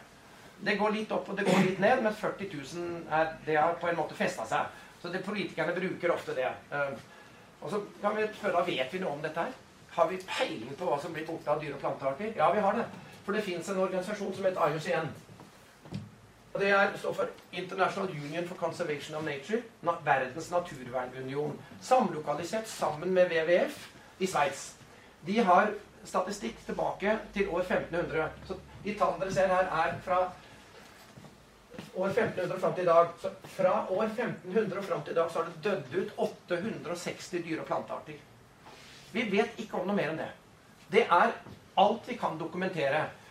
Det har selvfølgelig blitt borte noe flere, for vi vet ikke om alle mulige uh, rundormer og, uh, og, sånne småkrek som har forsvunnet. Um, men det, altså, dette er alle fuglene, det er pattedyrene, det er uh, frosk, slanger, reptiler Og det er alle plantene. Plantene er litt lettere å følge med på. Ikke alle soppene, kanskje, men, men, det er altså 860 arter. Det er alt vi vet. Og det, som dere ser, altså, forskjellen fra 40 000 arter i året eh, til 860 arter siden år 1500, den er helt enorm. Det er altså så stor forskjell. Men det som slår gjennom i den politiserte miljødebatten, det er det tallet 40 000. Det tallet kommer fra en konferanse for en del år siden hvor det var en biolog som sa at vi kan jo tenke oss at det blir borte en million arter på 25 år. For dere en million på 25 får du 40 000. Det er hele bakgrunnen for det tallet 40 000 i året. Og så har man laget noen sånne modeller som heter uh, såkalte SAR-modeller. Uh, som sier at jo mindre og større areal som blir borte, jo flere arter blir borte. Og det er selvfølgelig noe riktig i det. Men de er regna ut for sånne øy, for øyer på virkelig de på fastlandet. så er det ikke sånn. Og, og et og så sier de at når vi da utrydder 40 000 arter i året, så da kommer økosystemene våre til å bryte sammen. Og hvor de har den biologien fra, det vet ikke jeg. For du kan gå til norsk natur. Du kan ta bort veldig mange arter. Du kan ta bort elg, du kan ta bort bjørn, du kan ta bort blåklokke. Selv om de artene forsvinner, så kommer økosystemene i Norge til å fortsette akkurat på samme måte som før. Nesten, da. Og det er klart, Elgen blir borte. Det, det blir en liten endring av det hvis den forsvinner. Men ikke veldig. Uh, og i Norge så er det dessuten sånn at uh, av de plantene vi har, av høyerestående planter, altså planter som har blomster, eh, så er det sånn at halvparten av alle de plantene vi finner i Norge i dag, de er innført av mennesket. Sånn at alle mennesker i, vår, i Norge, i Finland, i Sverige, på alle øyer, i alle mindre land, så er det sånn at vi som lever i dag, vi opplever et biologisk mangfold som er mye, mye mye større enn det våre besteforeldre og oldeforeldre og tipp-tipp-tipp-tipp-oldeforeldre gjorde. Fordi vi rett og slett har flytta på arter hele tiden tatt det med inn her. Og det har beriket vår natur. Det er ikke sånn at det gjør at naturen står på kanten av stupet. Det betyr bare at vi har et mye større artsmangfold. Eh, det kan noen ganger bli problemer av det. Kaniner i Australia. Eh, og det fins andre eksempler også. Eh, Nilabbor i Victoriasjøen f.eks. har tvilsomt utrydda noen arter. Men at det da er utrydda noen arter i, noen sånne bitte små siklider eh, i, eh, i Viktoriasjøen, det er ingen katastrofe. Men det blir framstilt som det. At når noen arter blir borte, så blir destabiliseres hele økosystemet. Og det vet alle biologer at det er ikke sant. Men det er ikke en biolog som sier det høyt. Fordi jeg er avhengig av hele tiden å få disse forskningsbevilgningene knytta til alle disse miljø- og klimakatastrofene. Så de går ikke ut og sier det må være sånn som meg, som driver og samler som sanker sopp. Så jeg, driver, jeg driver mitt eget firma, så det, jeg kan si akkurat hva jeg vil. Uh, folk kunne jo la være å komme på soppkurs. Uh, det, det kan skje. Uh, eller de kan la være å være med meg på Akersamla-vandringer, som jeg også driver med, men, men, men, de vet stort sett ikke om det. Sånn de, men jeg har blitt sparket fra to styrelederstillinger jeg har hatt. Jeg, jeg mista styrelederstillingen min i Norsk biologforening. Der ble jeg sparka fordi jeg hadde galere klimastandpunkt. Og så ble jeg sparket som styreleder i Bondens Marked i Oslo. Fikk jeg heller ikke være. Realiteten er at eh, når det er kaldt, så går det også dårlig med dyre- og plantelivet. Eh, sommeren, eh, våren og forsommeren 2015 var kjempehøy. Det var iskaldt. Og det var i fjor vår også. Bier flyr ikke ut av kubene hvis det er veldig kaldt. De drar rett og slett ikke ut og samler nektar og, og pollen. Rypene, de, de, Den våren nesten alle rypene døde på redet. De, de, voksne fuglene døde i redet, og ungene fant man døde i redene. Småfugler eh, døde i reirene. Uh, og det ble, isen på vannene gikk ikke opp. Det betød at du fikk ikke noe produksjon uh, i, uh, i, i, vannet. Og de, og de, de ikke på høsten. Mens det er motsatt. når det er varmesomre. Eh, 2018 var jo, det husker dere var kjempevarm sommer. Fantastisk med bier. Honningproduksjonen gikk aldeles strålende. Bra med fisken. Var kronår på epler og plommer. var for meg det med steinsoppen det var Fantastisk med steinsopp. Eh, og kroner for ryper Jeg pleier å kjøpe ryper av en uh, jeger oppe i uh, Trysil. Og han pleier som regel å ha en to eller fem eller sju. Og sånt, og så ringte han da høsten 2018. Uh, han ringte meg og spurte Morten skal du ha ryper i år. Ja, så mange har du? Kan tenke meg en fem, seks, syv. Ja. Du får ikke under 80, sa han. Jeg har så mye ryper. Det var kronår for rype etter mange år uten rype. Det var den varme sommeren. Mens avisene slo opp noe helt annet. De slo opp at det var dårlig grasproduksjon og dårlig kornproduksjon. Og det var det. Sånn at det var problemer for bøndene som driver med dyr. Eh, de hadde ikke eh, fôr til dem til vinteren, og kornprodusentene tapte mye. Så ja, det var problemer, men det var også en plusside i regnskapet. Ole Mattismoen skriver ikke om dette. Han, han, henter alltid bare det stoffet som går gærent. At norske bønder måtte til, Island og kjøpe gras. Og det var dyrt. Uh, og det var helt riktig. Men at det ble kronår for ryper, det skal jeg i hvert fall ikke ha noe om. Ja. Jeg har sagt litt om før at det, det, når det er varmt, så, uh, så, går det bra med menneskets kulturer. Uh, jeg skal ikke si noe særlig om tror jeg har holdt på lenge nok nå. Men uh, ja, James Lovelock, som da er mannen bak denne såkalte Gaia-teorien, hypotesen, han har sagt at miljøbevegelse og økologisme har blitt religiøs, og religionene bryr seg ikke så mye om fakta. Jeg tror ofte når ikke da Cicero og mange av disse andre debattantene vil stille inn noen møter med oss, så er det fordi at de er redde for å møte en del av faktagrunnlaget. Uh, de, de, de, en del av dem er nok veldig gode på den første delen av klimadebatten. Hva er det som uh, ligger til grunn for et sånt med fysiske, kjemiske atmosfæreprosesser som fører til temperaturendringer? Den er det noen av dem som behersker til fulle. Uh, men å begynne å diskutere landbruk og matvareproduksjon på den andre siden, det er de ikke gode på. Og det var egentlig det jeg skulle nå etterpå på NRK-møtet. Da skulle vi diskutere landbruk. Og det skulle vært med en fysiker fra Universitetet i Bergen. Det har han ikke peiling på. Så det var veldig synd det ikke ble noe av den debatten. Avslutte med han der. Uh, oh. Ikke sant? En, en, en, løgner av rang. Nå har vi minst i 30 år ropt uh, høyt om verdens undergang. Når skal dere begynne å ta oss på alvor? Jeg kommer aldri til å ta ham på alvor. Altså, det er jeg har bare vært igjennom noen eksempler da, på miljøsaker som er overdrevne, eh, hvor uh, det ikke er hold i påstanden om verdens undergang, og en del av det samme på, på temperatur. Jeg viste dere litt om Det som er det aller viktigste, er dette med temperatursvingningene opp gjennom øh, perioden etter siste istid, men også for så vidt noe som ikke viste, svingninger i temperatur øh, de siste tiårene. Uh, temperaturen gikk ganske mye ned fra uh, krigen og fram til 19, uh, slutten på, eller ut på 1960-tallet. Så steg den betraktelig fra 1960 og fram til 1998. Og så har den stått nesten helt stille fra 1998 og fram til i dag. Så det er ikke sånn at det går jevnt oppover hele tiden. Det går litt rykk og napp. Men noe av poenget er at vi er i etterkant av den lille istid. Uh, hvor det var veldig kaldt. Den kaldeste perioden som vi har hatt på kloden etter siste istid. Og temperaturen stiger etter det. Ja, Så nå kan det bare fyre løs med, med spørsmål.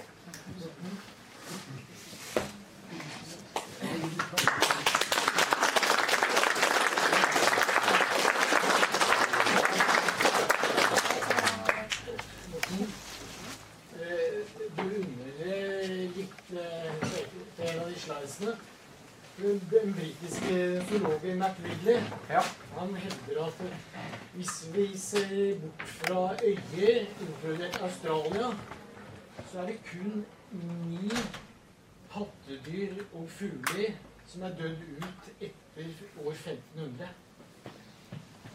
Det vil jeg liksom eh, Ok, 860 Men det var alle, alle, alle arter, da. Planter og dyrearter. Men ikke sant? Det sier jo litt da, når man over gangen her snakker om altså masseutryddelse. Og så er det ni pattedyr man vet om, og fugler. Arter. Etter 1500. Altså, det høres veldig lite ut. Jeg tror nok det er litt mer enn det. Vi har jo fått et sånt eget organ under FN som heter IPBES. IPBES.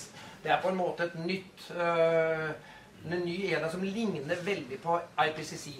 Men den, de jobber da med biomangfold. Uh, og de har lagt fram en rapport, Det kom en rapport i fjor, og de snakker om den sjette artsutryddelsen. Eh, og de har en kurve hvor de viser at artsutryddelsen går rett i været. Så bryter ned den litt og ser på, for de viser per 100 år, og da ser det ut som om det bare øker og øker. Hvis man bryter ned det og så i stedet eh, ser på hvordan det går for tiår for tiår, så vil du se det du refererer til, at det går veldig ned. Men det går ned fra sånn ca. 1890-1900. Så går det ned. Det gjelder øyer som Australia, hvor menneskene kommer seg rotter og sånt. Ja, det er riktig. Det er... Men selv om de store kontinentene, så har det jo vært atskillig mindre utdrivelse. Og før du slipper, bare si noe til om akkurat det der. Og grunnen til at det går så bra, er et veldig viktig forhold. Og det er alle dyr og planter er avhengig av areal for å eksistere. Og når vi har hatt nedgang i dyre- og plantearter gjennom uh, lange perioder, gjennom hundreårene, så er det knytta til at landbruket har ekspandert inn i naturområder. Og det har vi gjort for å produsere nok mat til ikke sulte i hjel. Men den trenden der er snudd. Fordi vi nå produserer så utrolig effektivt med mat. Så mye mer mat per areal enn før. Så er vi i stand til å kunne levere tilbake det som har vært landbruksareal, tilbake til natur. Og det, og det skjer på kloden i dag. sånn at det, det blir mer natur. Det blir faktisk mer skog. Selv om vi avskoger i Indonesia og Brasil, så er skogarealet på kloden økende. Og det der, altså, så det som først og fremst styrer hvordan biomangfoldet har det, det er landbruket. Og landbruket er, blir mer og mer effektivt. Øh, øh, og slipper da å hente ut øh, nytt areal for å følge opp da med matvareproduksjonen i forhold til økende befolkningsmengde. Ja, Inntil for tre år siden så forholdt jeg meg til NRK, Aftenposten, Dagbladet, VG og sånne mainstream media. Og så eh, begynte jeg å lese litt andre ting, bl.a. hos Klimarealistene og diverse andre dokument osv. Kent Andersen som skriver der. Og det som jeg, det som er, er fortvila over, det er jo at eh, jeg nesten aldri ser kompetente folk fra hver sin side ha, ha en rolig, saklig, grundig, evaluerende debatt om faktagrunnlaget. Eh, fordi at eh, det du eh, De påstår også at de besitter fakta, og det gjør du. Eh, og jeg må jo si at eh, jeg heller jo etter hvert til at det, altså det, det, ser ut som om dere er mye mer villige til å gå inn på fakta enn en kan du si, mainstream journalist. Det fins ikke gravende journalister verken altså Det fins ikke gravende journalister i mainstream media verken når det gjelder å analysere de enorme eh, de enorme ressursene som settes inn nå på elektriske biler, vindmøller til havs osv. Altså det, det, det er ingen som graver og avslører regnestykket, bortsett fra noen få i alternative medier, og en litt større antall kanskje i USA, der, det, der ytringsfriheten har litt større rom eh, for den bransjen her. da. Så det som, jeg, det som jeg egentlig har lyst til å spørre om, det er jo Du sier jo at eh, den debatten som du skulle vært på i kveld, den ble avlyst eh, etter signal at, altså, altså at Solvang ble overstyrt. Er det riktig? Ja. Men hva, hva, er, hva, hva, er, er drivkreftene bak det at man ikke ønsker en åpen og ærlig og ærlig debatt knytta til faktagrunnlaget. Både når det gjelder i hvilken grad CO2 er, er så farlig som det, som det, det påstås at det er, og gitt at da CO2 er så farlig som det påstås, de virkemidlene man setter inn av symboltiltak, som slettes ikke påvirker det globale CO2-utslippet. Så liksom, hva, hva, tenker du rundt det? Altså, hvor, hvor, hva, er som, hva, er det som, gjør at journalister ikke er interessert i å gå, ja, gå inn i en rolig debatt med begge sider. Mm. Altså, hvorfor er det Du, du, blir, du blir, nesten ansett for å være umoralsk hvis du stiller spørsmål. Nei, de, de, tenker som så at det, det, altså det, er to streker under dette svaret. Sånn at CO2 forårsaker og kommer til å føre til at vi går katastrofen i møte. Den er på en måte opplest av vedtatt. Selv om IPCC sier ikke det det hele tatt. De gjør ikke det.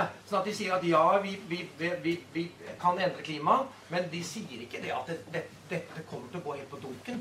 Men pressen og politikere og miljøbevegelsen er på den andre siden av gangen. De sier det. Men hvor kommer incitamentet til å si det ifra?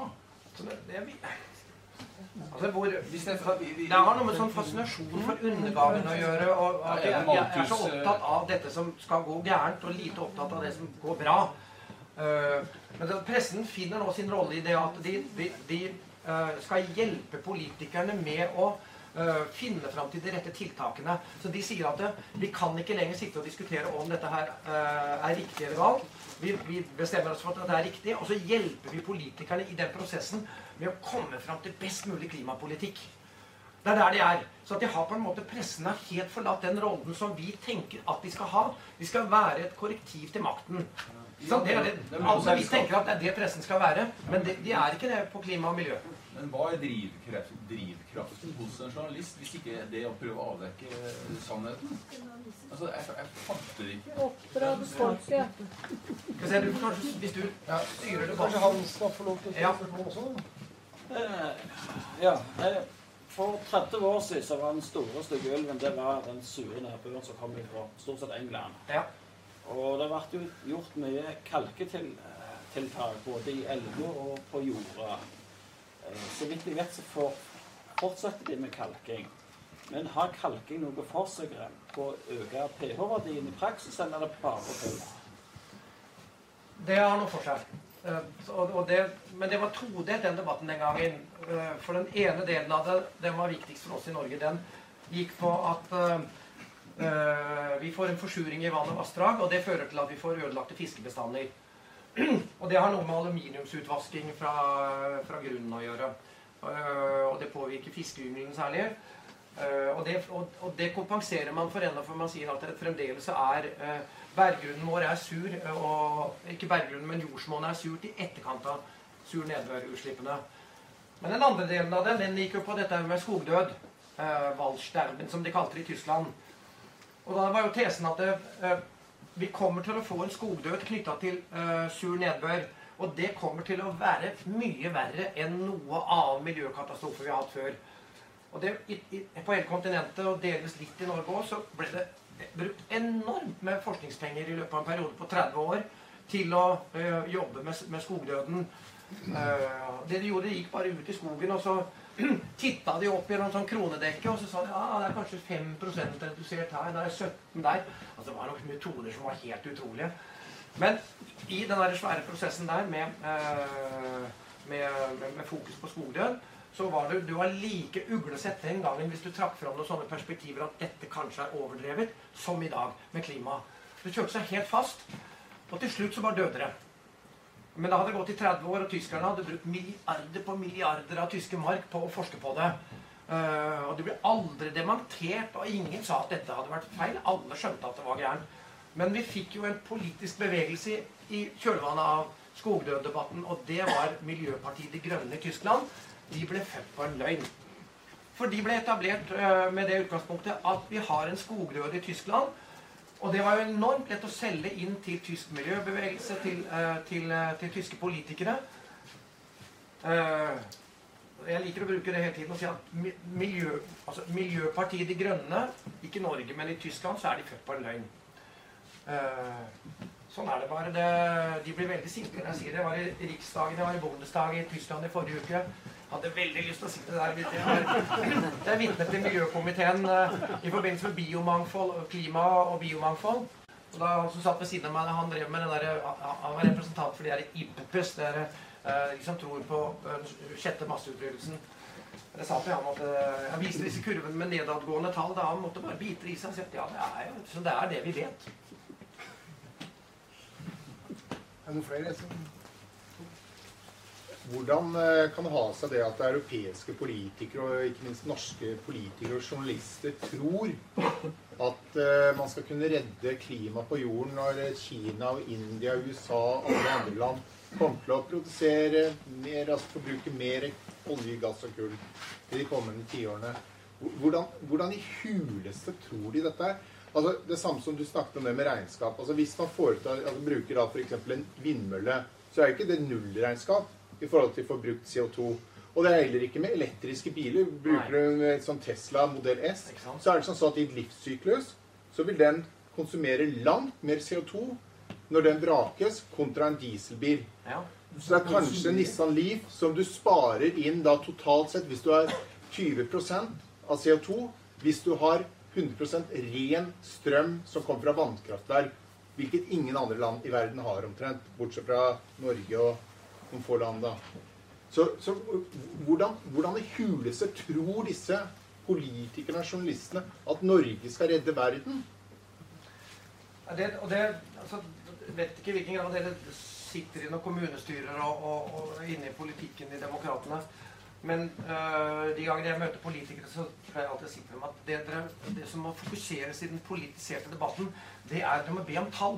Og ikke tall på øh, hvor mange tonn CO2 dere tar ut ved hjelp av det ene tiltaket og det andre tiltaket. Enten det er uh, å bygge ut det der å rense utslippene fra Klemetsrud f.eks., eller å, å elektrifisere sokkelen. Det dere må be om hele tiden, det er å spørre om hva betyr det for temperaturen. Og så Putt da det der reduserte utslippene inn i en av klimamodellene til FN. og Det er ikke noe vanskelig å gjøre det. Selv uten matematisk trening kan du gjøre det. Og det svaret som kommer ut da i den andre enden, er at det er jo ren symbolpolitikk. Altså, du, kan putt, du kan ta ut Norge slipper ut Ca. 152 millioner tonn slipper Norge ut hvert eneste år. Uh, og vi kan jo uh, rei- vi, og kan putte, så vi kan at Innen 2030 kan vi ta bort hele det uh, utslippet. Og så kjører vi det da i 70 år fram til 2100. Og så ser vi på hvilken effekt det har på temperaturen. Altså det, det er så mange nuller. Eh, altså temperaturen vil bli redusert tror jeg, i år 2100 med noe sånt som 0,00017 grader. Det er ingenting. Det er rent symbol. Det betyr altså at du utsetter den globale oppvarmingen kanskje med noe sånt som to, to og en halv dag. I stedet for at den da kommer 1. januar år 2100, så kommer den 3. januar klokken 12. Så.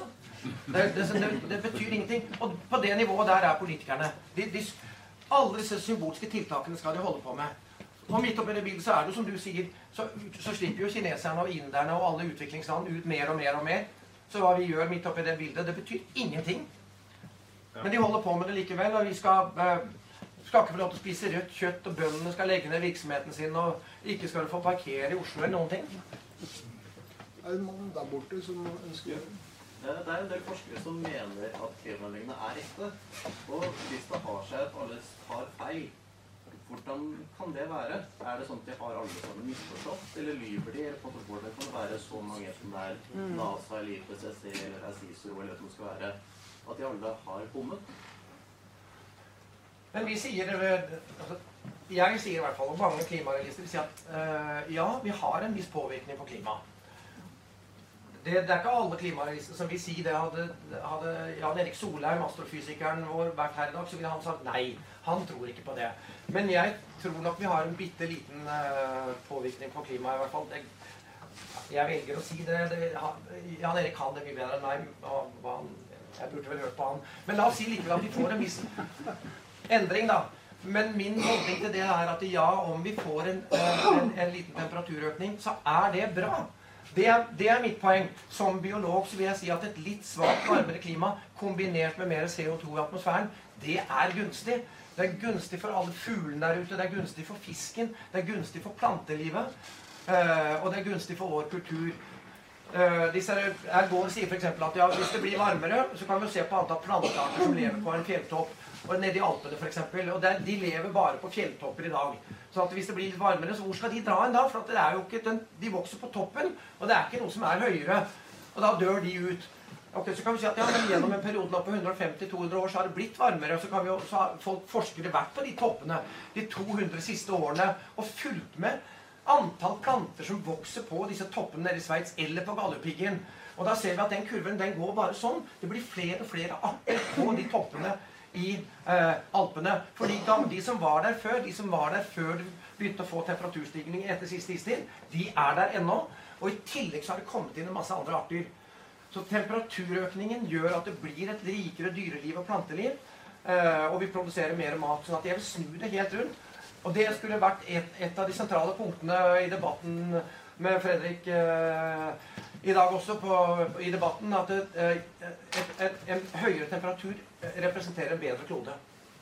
Sånn at ja, jeg sier at ja, det blir litt varmere, men det er bra. Her skal du få kontoret. Ja, nå er det kom litt tilbake til den motivasjonen for å jobbe med forskning eh, litt med politikere og universitetsmiljøer. Altså hvilke økonomiske og karrieremessige insentiver finnes det for eh, som eh, propaganderer da, altså, type Naturvernforbundets eller De grønnes agenda? Hvorfor er det gunstig for dem? de ulike aktørene, og da forskningen særlig. Så de Jeg hadde en debatt på, med NRK på Universitetsplassen for et par år siden. og Da var det jeg var det disse klimaforskerne. At de ser på meg sånn rasende sinte, og så sier de at du er betalt av oljeindustrien. Så Den møter vi hele tiden. Eh, vi har betalt av oljeindustrien, eh, og vi tror jorda er flat, og vi får alle disse beskyldningene mot oss.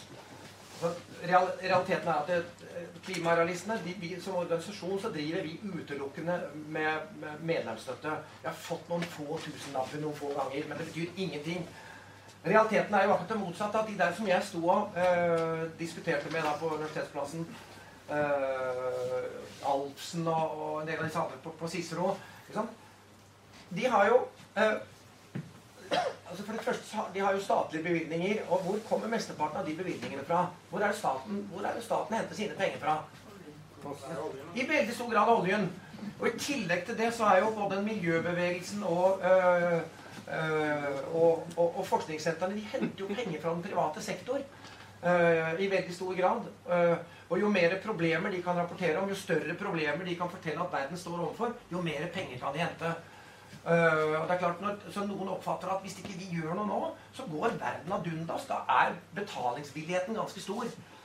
Og, og realiteten er at uh, i USA så er det sånn at det er alt som gis bort i USA, gå, ø, ø, registreres i USA. Man vet utmerket godt eksakt hvor mange penger enhver miljøorganisasjon i USA har fått.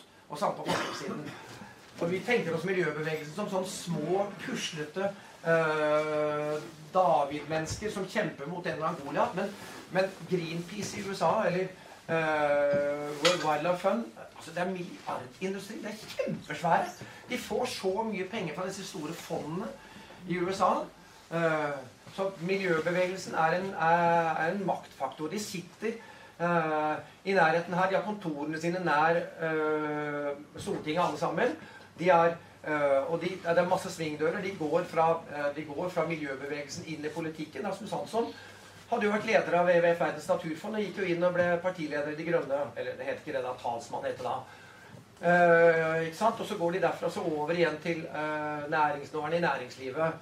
Uh, så de passerer alle disse svingdørene hele tiden, og det er masse penger involvert.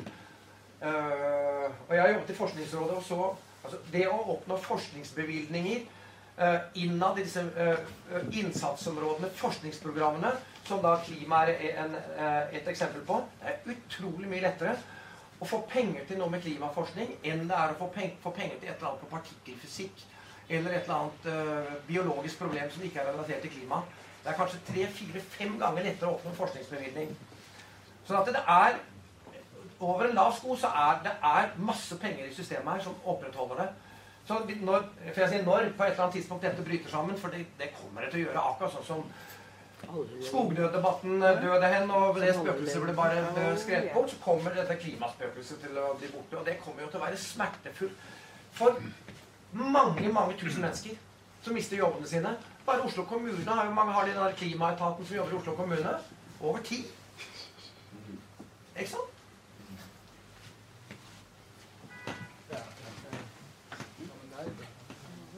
Jeg bare lurer på hva som skjer når Himalaya, disse isbreene der eh, er smelta. Da blir det ikke mye vann til disse landene nedenfor, de som har hatt de store elvene. For et endret nedbørmønster. Det kommer til å regne antagelig så kommer det til å regne like mye. Og Det betyr at uh, da kommer avrenningen uh, til, kommer i tilknytning til uh, Den kommer i tilknytning til når det regner. Så du får ikke den oppholdstiden i fjellene om vinteren hvis det skjer, da. Men jeg viste dere en kurve hvor jeg sa at denne avsmeltingen av breene på den nordlige halvkule den begynte for 200 år siden. Og den kurven den var helt flat, sånn at det smelter ikke av noe mer i dag enn det det gjorde en gang i tiden. Og havnivåstigningen i dag, det strides man litt om hvor stor den er. Eh, motstanderne våre sier at den er 3 mm per år, men de sier faktisk at den er jevn. Så IPCC har en helt rett kurve.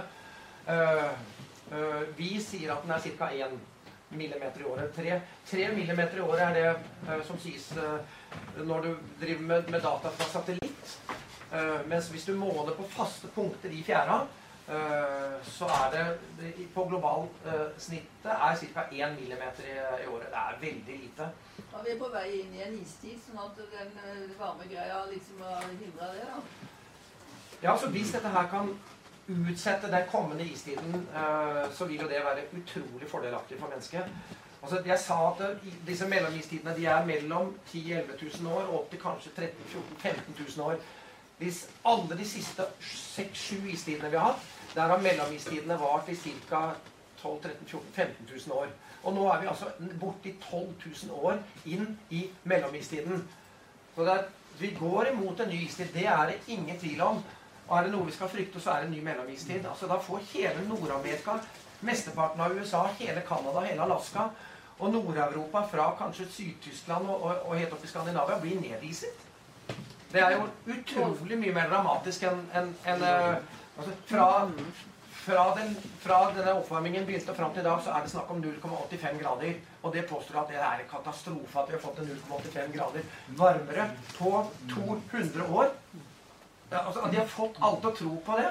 Men den Golfstrømmen, det var jo så snakk om at den kommer til å å snu sånn at vi ikke fikk noe glede av den varmen. Ja, Hans også. Jeg bare tenkte på dette med Solforskerne er jo akkurat inne på dette her. Disse med- Solforskerne, Ja. altså ut fra dette med solflekker og alt dette her med kosmisk stråling og det, disse mm, syklusene vi snakker om, de sier jo at vi, vi vil gå inn i en kraftig nedkjøling fra 2020 til 2050 eller noe sånt. Og det er mye verre enn en faktisk den oppvarmingen som er. Ja. Og det er jo egentlig kommet De Det er russiske forskere er jo egentlig ledet litt av an her, for at de norske de tør vel ikke si noe. Men eh, der har vel sikkert du, jeg tror klimarealisten også har skrevet litt grann om dette. Mye av det er særlig Jan Erik Solheim, da, som er astrofysiker. Så han, øh, og Det er jo knyttet til solaktiviteten, som nå er veldig lav og kommer til å holde seg lav i lange tider. og Det han er redd for, og mange andre og disse russiske forskerne er redd for, det er at vi går inn i noe som ligner på dette Molde minimum. Uh, altså med så lite solaktivitet, som da førte til fallende temperaturer. Det var jo den perioden hvor, uh, hvor Peter Dass uh, skrev, f.eks. Og det bevises jo bl.a. gjennom Peter- Dass sin eh, forfatterskap. Han, han skriver ikke ett eneste sted i all, all, all sin diktning om nordlyset. Så nordlyset detter jo bort da i disse periodene hvor det ikke er noe solflekkaktiviteter og ikke, ikke noe sterk solaktivitet, og temperaturen faller drastisk. Så det, det Og jeg, vi burde være mye mer redd for det enn en, en, en kald periode. ikke sant? Og det var vi jo fram til 1970-tallet. For da var jo alle trodde da på global nedkjøling, og det var jo det, var det store skremselet. Og så snudde det en gang på 70-tallet. Og så ble det da global oppvarming, og alle begynte å bli livredde for det. Nedkjøling har også vist at vi får mye mer vulkanutbrudd, vi får mye mer sterke vinder. altså får sterke Ja. for Jorden har vært i en voldsom oppvarming, og plutselig blir nedkjølt. Og det gir jo kontraster som gir naturmessige svingninger, som Ja. gir veldig ustabilitet. Ja. Men hva med Golfstrømmen? Unnskyld, Ja, altså det, Jeg kan bare svare veldig kort på det med Golfstrømmen. Det, det, det, det, altså, man kan få svekkelse og, og styrking av Golfstrømmen. Uh, så modellene sier det, men at det skulle bli noe dramatisk i forhold til disse her temperaturendringene vi har nå. Og det er jo først og fremst drevet av jordrotasjonen. Og den kommer ikke til å endre seg dramatisk. Sånn at, men likevel så sier de at ja, du kan få noen svake endringer i Golfstrømmen. Men om, altså, det er en av de utallige uh, påstandene om en sånn kommende katastrofe som følger hele klimadebatten. Når isbjørnen og en del av de andre sånn skrekkdyrene skulle bli borte, eh, at de skrekkmessig skulle bli borte, så hoppet man i stor grad over dette med havforsuring. Og, og, og, og korallbleking og en del av dette her er sant? Det kommer hele tiden noe nytt. Jeg ser på det som ett av disse perspektivene knytta til en kommende undergang som ikke jeg tror noen ting på. Der var det noen andre som spurte òg. Ja, der. Eh, For 10-15 år siden så snakket vi mye om det her eh, Soho-prosjektet. Den eh, ja, satellitten som går rundt sola, utforsker sola. Det var før dette med CO2 var så kolossalt som det var i dag. Eh, men når de endelig fikk skåret den satellitten, da, så er det jo null. Får ikke høre noe i media. Jeg har ikke sett noe i media på flere år. Er det noen grunn til Har de funnet noe med den så det ikke passer inn i debatten? Det vet ikke om, Nikolai. Vet du Nei, men, Det vil være et foredrag med Jan Erik Solheim i, i Bærum 1. april. Da. Jeg skal snakke om iskanten, noe som er for øvrig veldig aktuelt også for Politisk partier. da. Man vil jo flytte den. Han har jo sett på den de siste 500 årene. Men han kan besvare de spørsmålene, de spørsmålene der. Ellers er det jo stort politisk potensial i denne saken her. Da. Det var den herre der nede som Det er veldig mange ting man kunne komme inn på. Tusen takk. Uten at jeg sier noe mer om alt det positive. Men det har vært nevnt dette her med hvor mange forskere er det som mener ditt og som mener datt. Jeg tror det kan være fornuftig av klimarealistene også å prøve å undersøke hvem er det som blir regna som forsker.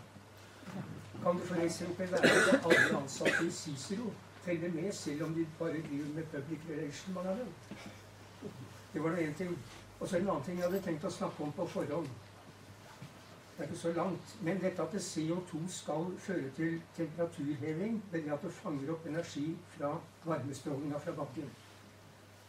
Det har jeg som en skeptisk fyr problemer med å forstå. I et gammelt leksikon, ikke så veldig gammelt, men noen tiår, så står det at jo, de fanger opp en, noen spektre fra den strålinga. Tre områder. Og det fører da til at elektroner skifter baner til baner som krever mer energi. Så skjønner ikke jeg helt hvorfor et molekyl, da, for å bidra til, til økt temperatur i lufta, da må vel det molekylet øke sin hastighet. Og hvordan skulle det følge av at elektroner i hvert enkelt atom skifter bane? Det var nå den tingen. Men like etterpå, i den samme artikkelen, så står det også at etter kort tid så sendes strålingen ut igjen. Så hvis det hadde vært noen her som kunne litt sånn fysikk i det emnet der, så hadde det vært veldig godt å få høre noe om det. For da kan ikke jeg skjønne at det er noe energi igjen som dette molekylet kan bidra med til noe temperaturheving. Og når det gjaldt, eh, når det gjaldt drivhuseffekten, så skjønner jeg det når det gjelder drivhus. Der er det tak.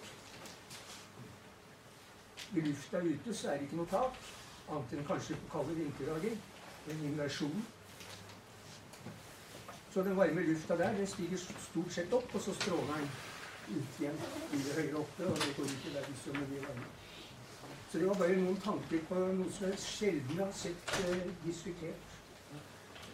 Jeg har et spørsmål, jeg også. Eh, Du snakket om at man vil- hisse hirse i Skandinavia i den minoiske varmeperioden. Er det noe dere kan føre ugjendrivelig bevis for? Jeg har en referanse på det, men jeg har den ikke her nå. Nei. Og dernest, hvor, hvor langt sør må man for å bygge, dyrke hirse nå? Ja, må til uh, Etiopia, tror jeg. Etiopia? Så la oss Etiopia. Ja, det- Det er sånn India, Nigeria altså Det er rimelig tropisk. Ja. Det er innland og resten på jorden eller sør der. Vi hadde jo en helt annen eh, fauna også. Vi hadde jo perioder eh, etter siste istid hvor vi hadde, hvor hadde villsvin. Store mengder med villsvin i norske skoger. Hardangervidda var jo skogkledd. Eh, Da er vi tilbake 500-600 år, år, år før Kristus. Vi hadde skilpadder. Så det er veldig mange bevis på, eh, biologiske bevis på at temperaturen ja, opp gjennom tidene har vært eh, varmere enn det den er i dag. Så er det kanskje Ja. Jo, jeg tenkte du viste um, et diagram for de siste 800 000 år, tror jeg det var. Ja. Med temperatur og CO2. Og de henger jo ikke sammen. De følger ikke hverandre i det hele tatt. Eller Hvordan forholder FNs klimapanel seg til de kurvene der? Hvordan forklarer de det? Nei, de, de, de sier at altså, i tidligere tider så, så de godtar den uh, sammenhengen at det først kommer temperaturen, så kommer CO2 etterpå. Det ser vi av iskjernemålingene. sånn at det er en viss sammenheng. Og den er knytta til at eh, det, du får en økning i CO2-mengden i atmosfæren uh, som henger sammen med at, at du får avgassing fra havet, følger heldigvis lov. Men den der, den der virkelig lange kurven jeg viste, som ikke hang sammen i det hele tatt, den, den gikk tilbake 4,6 milliarder Ja, år. Jeg tror det var den du tenkte på. Ja, ja. Uh, hvor da uh, CO2-mengden i atmosfæren har vært oppe i en 7000-8000 eh, ppm Mm. og sunket da uh, ned. Og der, der er det ingen sammenheng i det hele tatt. Det er, eh, men, men den generelle trenden er likevel at CO2 hele tiden tas ut av atmosfæren og blir borte for det biologiske kretsløpet. Eh, så at vi burde egentlig på sikt være mye reddere for at eh, den mengden med CO2 i atmosfæren kommer så lavt ned at fotosyntesen begynner å få problemer. Og det er altså på rundt 150 ppm så skjer det. Og da, da, Man sier at i etterkant av siste istid, hvor, på, hvor mengden eh, lå i luft på ca. 200, da var det antageligvis så lite CO2 i atmosfæren at det var umulig å drive et landbruk. Nei, jeg bare tenker på at De må jo forholde seg til det og komme med en forsøksvis forklaring. Hvis de, De skal være bare- vitenskapelige.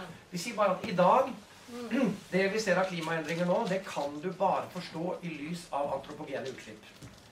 Og det er veldig rart, for når du ser på disse kurvene som jeg viste, Mm. eh, både etter siste istid, de siste 4000 år eh, og lenger tilbake i tid, så har du altså enorme svingninger i temperatur. De går opp og ned hele tiden.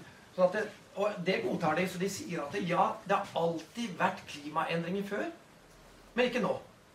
Det har vært naturlige klimaendringer som har styrt det hele fram til 1960. Og så rundt 1960, da slutta naturen å virke. På et eller annet vis. Hvordan, jeg begriper ikke hvordan de får det til å gå i hop. For at du kan høre på Samset eller, eller Rasmus Benestad eller en del av de andre klimaforskerne som vi hører i debatten hele tiden, så sier de hele tiden det at du kan ikke forstå klimaendringene uten å se dem i lys av menneskelige utslipp. De, og det er veldig rart. De er altså mye klarere på det enn en, en det IPCC er. Fordi at de sier at ja eh, Og de, de har jo også sagt at det, framover nå i en periode på 20-30 år, er det ikke det, Nikolai, så sier de at sannsynligvis så vil det naturlige klimapådrivet være større enn det antropogene. Eh, sånn at det, i den norske, de norske klimaforskerne og den norske klimadebatten er mye mer ekstrem enn en, enn det en del av den internasjonale debatten er. Så de tar den mye lenger ut. Ja, nå eh, Vi skulle nærme oss slutten, men du har ikke fått stilt noe spørsmål tidligere, så vi deg et siste spørsmål, og så avrunde. Ja. Ja, Vi hører jo også om, eh, om økning av ørken og sult og påfølgende migrasjonsproblemer. Eh, kan du si noe om det, for det første? Og for det andre, har det tilsvarende historiske data for de områdene, for de tidligere varmeperiodene? Altså, det, de har veldig vanskelig for å modellere det der. Eh, hvordan nedbøren slår ut eh, i henhold til endring av temperatur, og hvilke områder i verden som skal bli våtere og tørrere, sånn at det, modellene sier noe, og så er man nå i stand til å kunne uh, sjekke det empirisk i hvilken grad det har skjedd.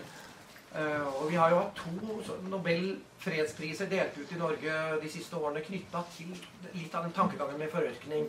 Først gikk til Vanvari Matai. Den der Green Belt Movement som, og det treplantingsprosjektene hennes.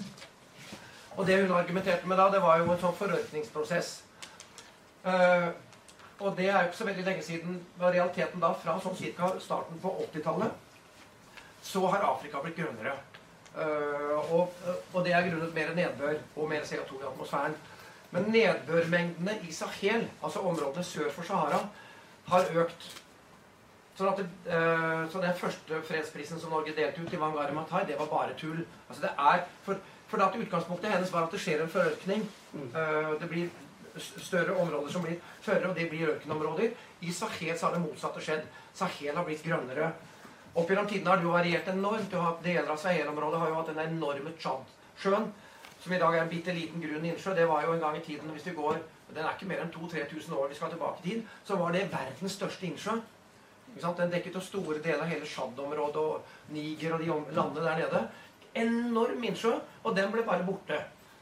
Øh, og mye av dette her er jo knytta til disse store endringene i havsirkulasjonsmønstrene. Uh, El Niño, La Niña. Ikke sånne korte episoder av det, men de som varer lenge. Så det svinger hele tiden. Men det å beregne det er veldig vanskelig. Men generelt så er det sånn at i perioder hvor det blir varmere, så utvider disse, her, disse her intertropiske konvergenssonene, er det noe som heter. Og i disse sonene, altså både nord og sør for ekvator, så får du i varmere perioder så får du mer nedbør. Og hver gang det da har vært disse varmeperiodene eh, opp gjennom historien de siste noen av tusen år, så blir det mer nedbør i monsunregnområdene i India, i Kina, eh, som har gjort at det våte, disse varme periodene har gitt mye større matvareproduksjon. Det har vært viktig. Og Samtidig så har det ført til det motsatte i Latin-Amerika Mellom-Amerika. sånn at uh, vi er ganske sikre på i dag at mayakulturen døde ut pga. tørke. Eh, så maya-indianerne opplevde en enorm El Niño. så I mayakulturen i Belize, sørlige deler av, Guatemala og sørlige deler av Mexico. Det var senket matvareproduksjon som knyttet til en 50-60-70% reduksjon av nedbør. Så det tok eh, mayakulturene. Sånn men, men, det å, å, å, sitte og regne på det og tro de kommer fram til noen eh, eh, gode resultater, det er helt håpløst. ikke sant? I dag var jo, det var jo spådd i går og forrige så spådde de enorme snømengder i Drammen. De var helt sikre på at det skulle snø noe helt avsindig. Det kom ikke en snøfille i Drammen i dag.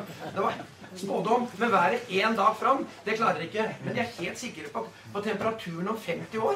Ja, ja, ja.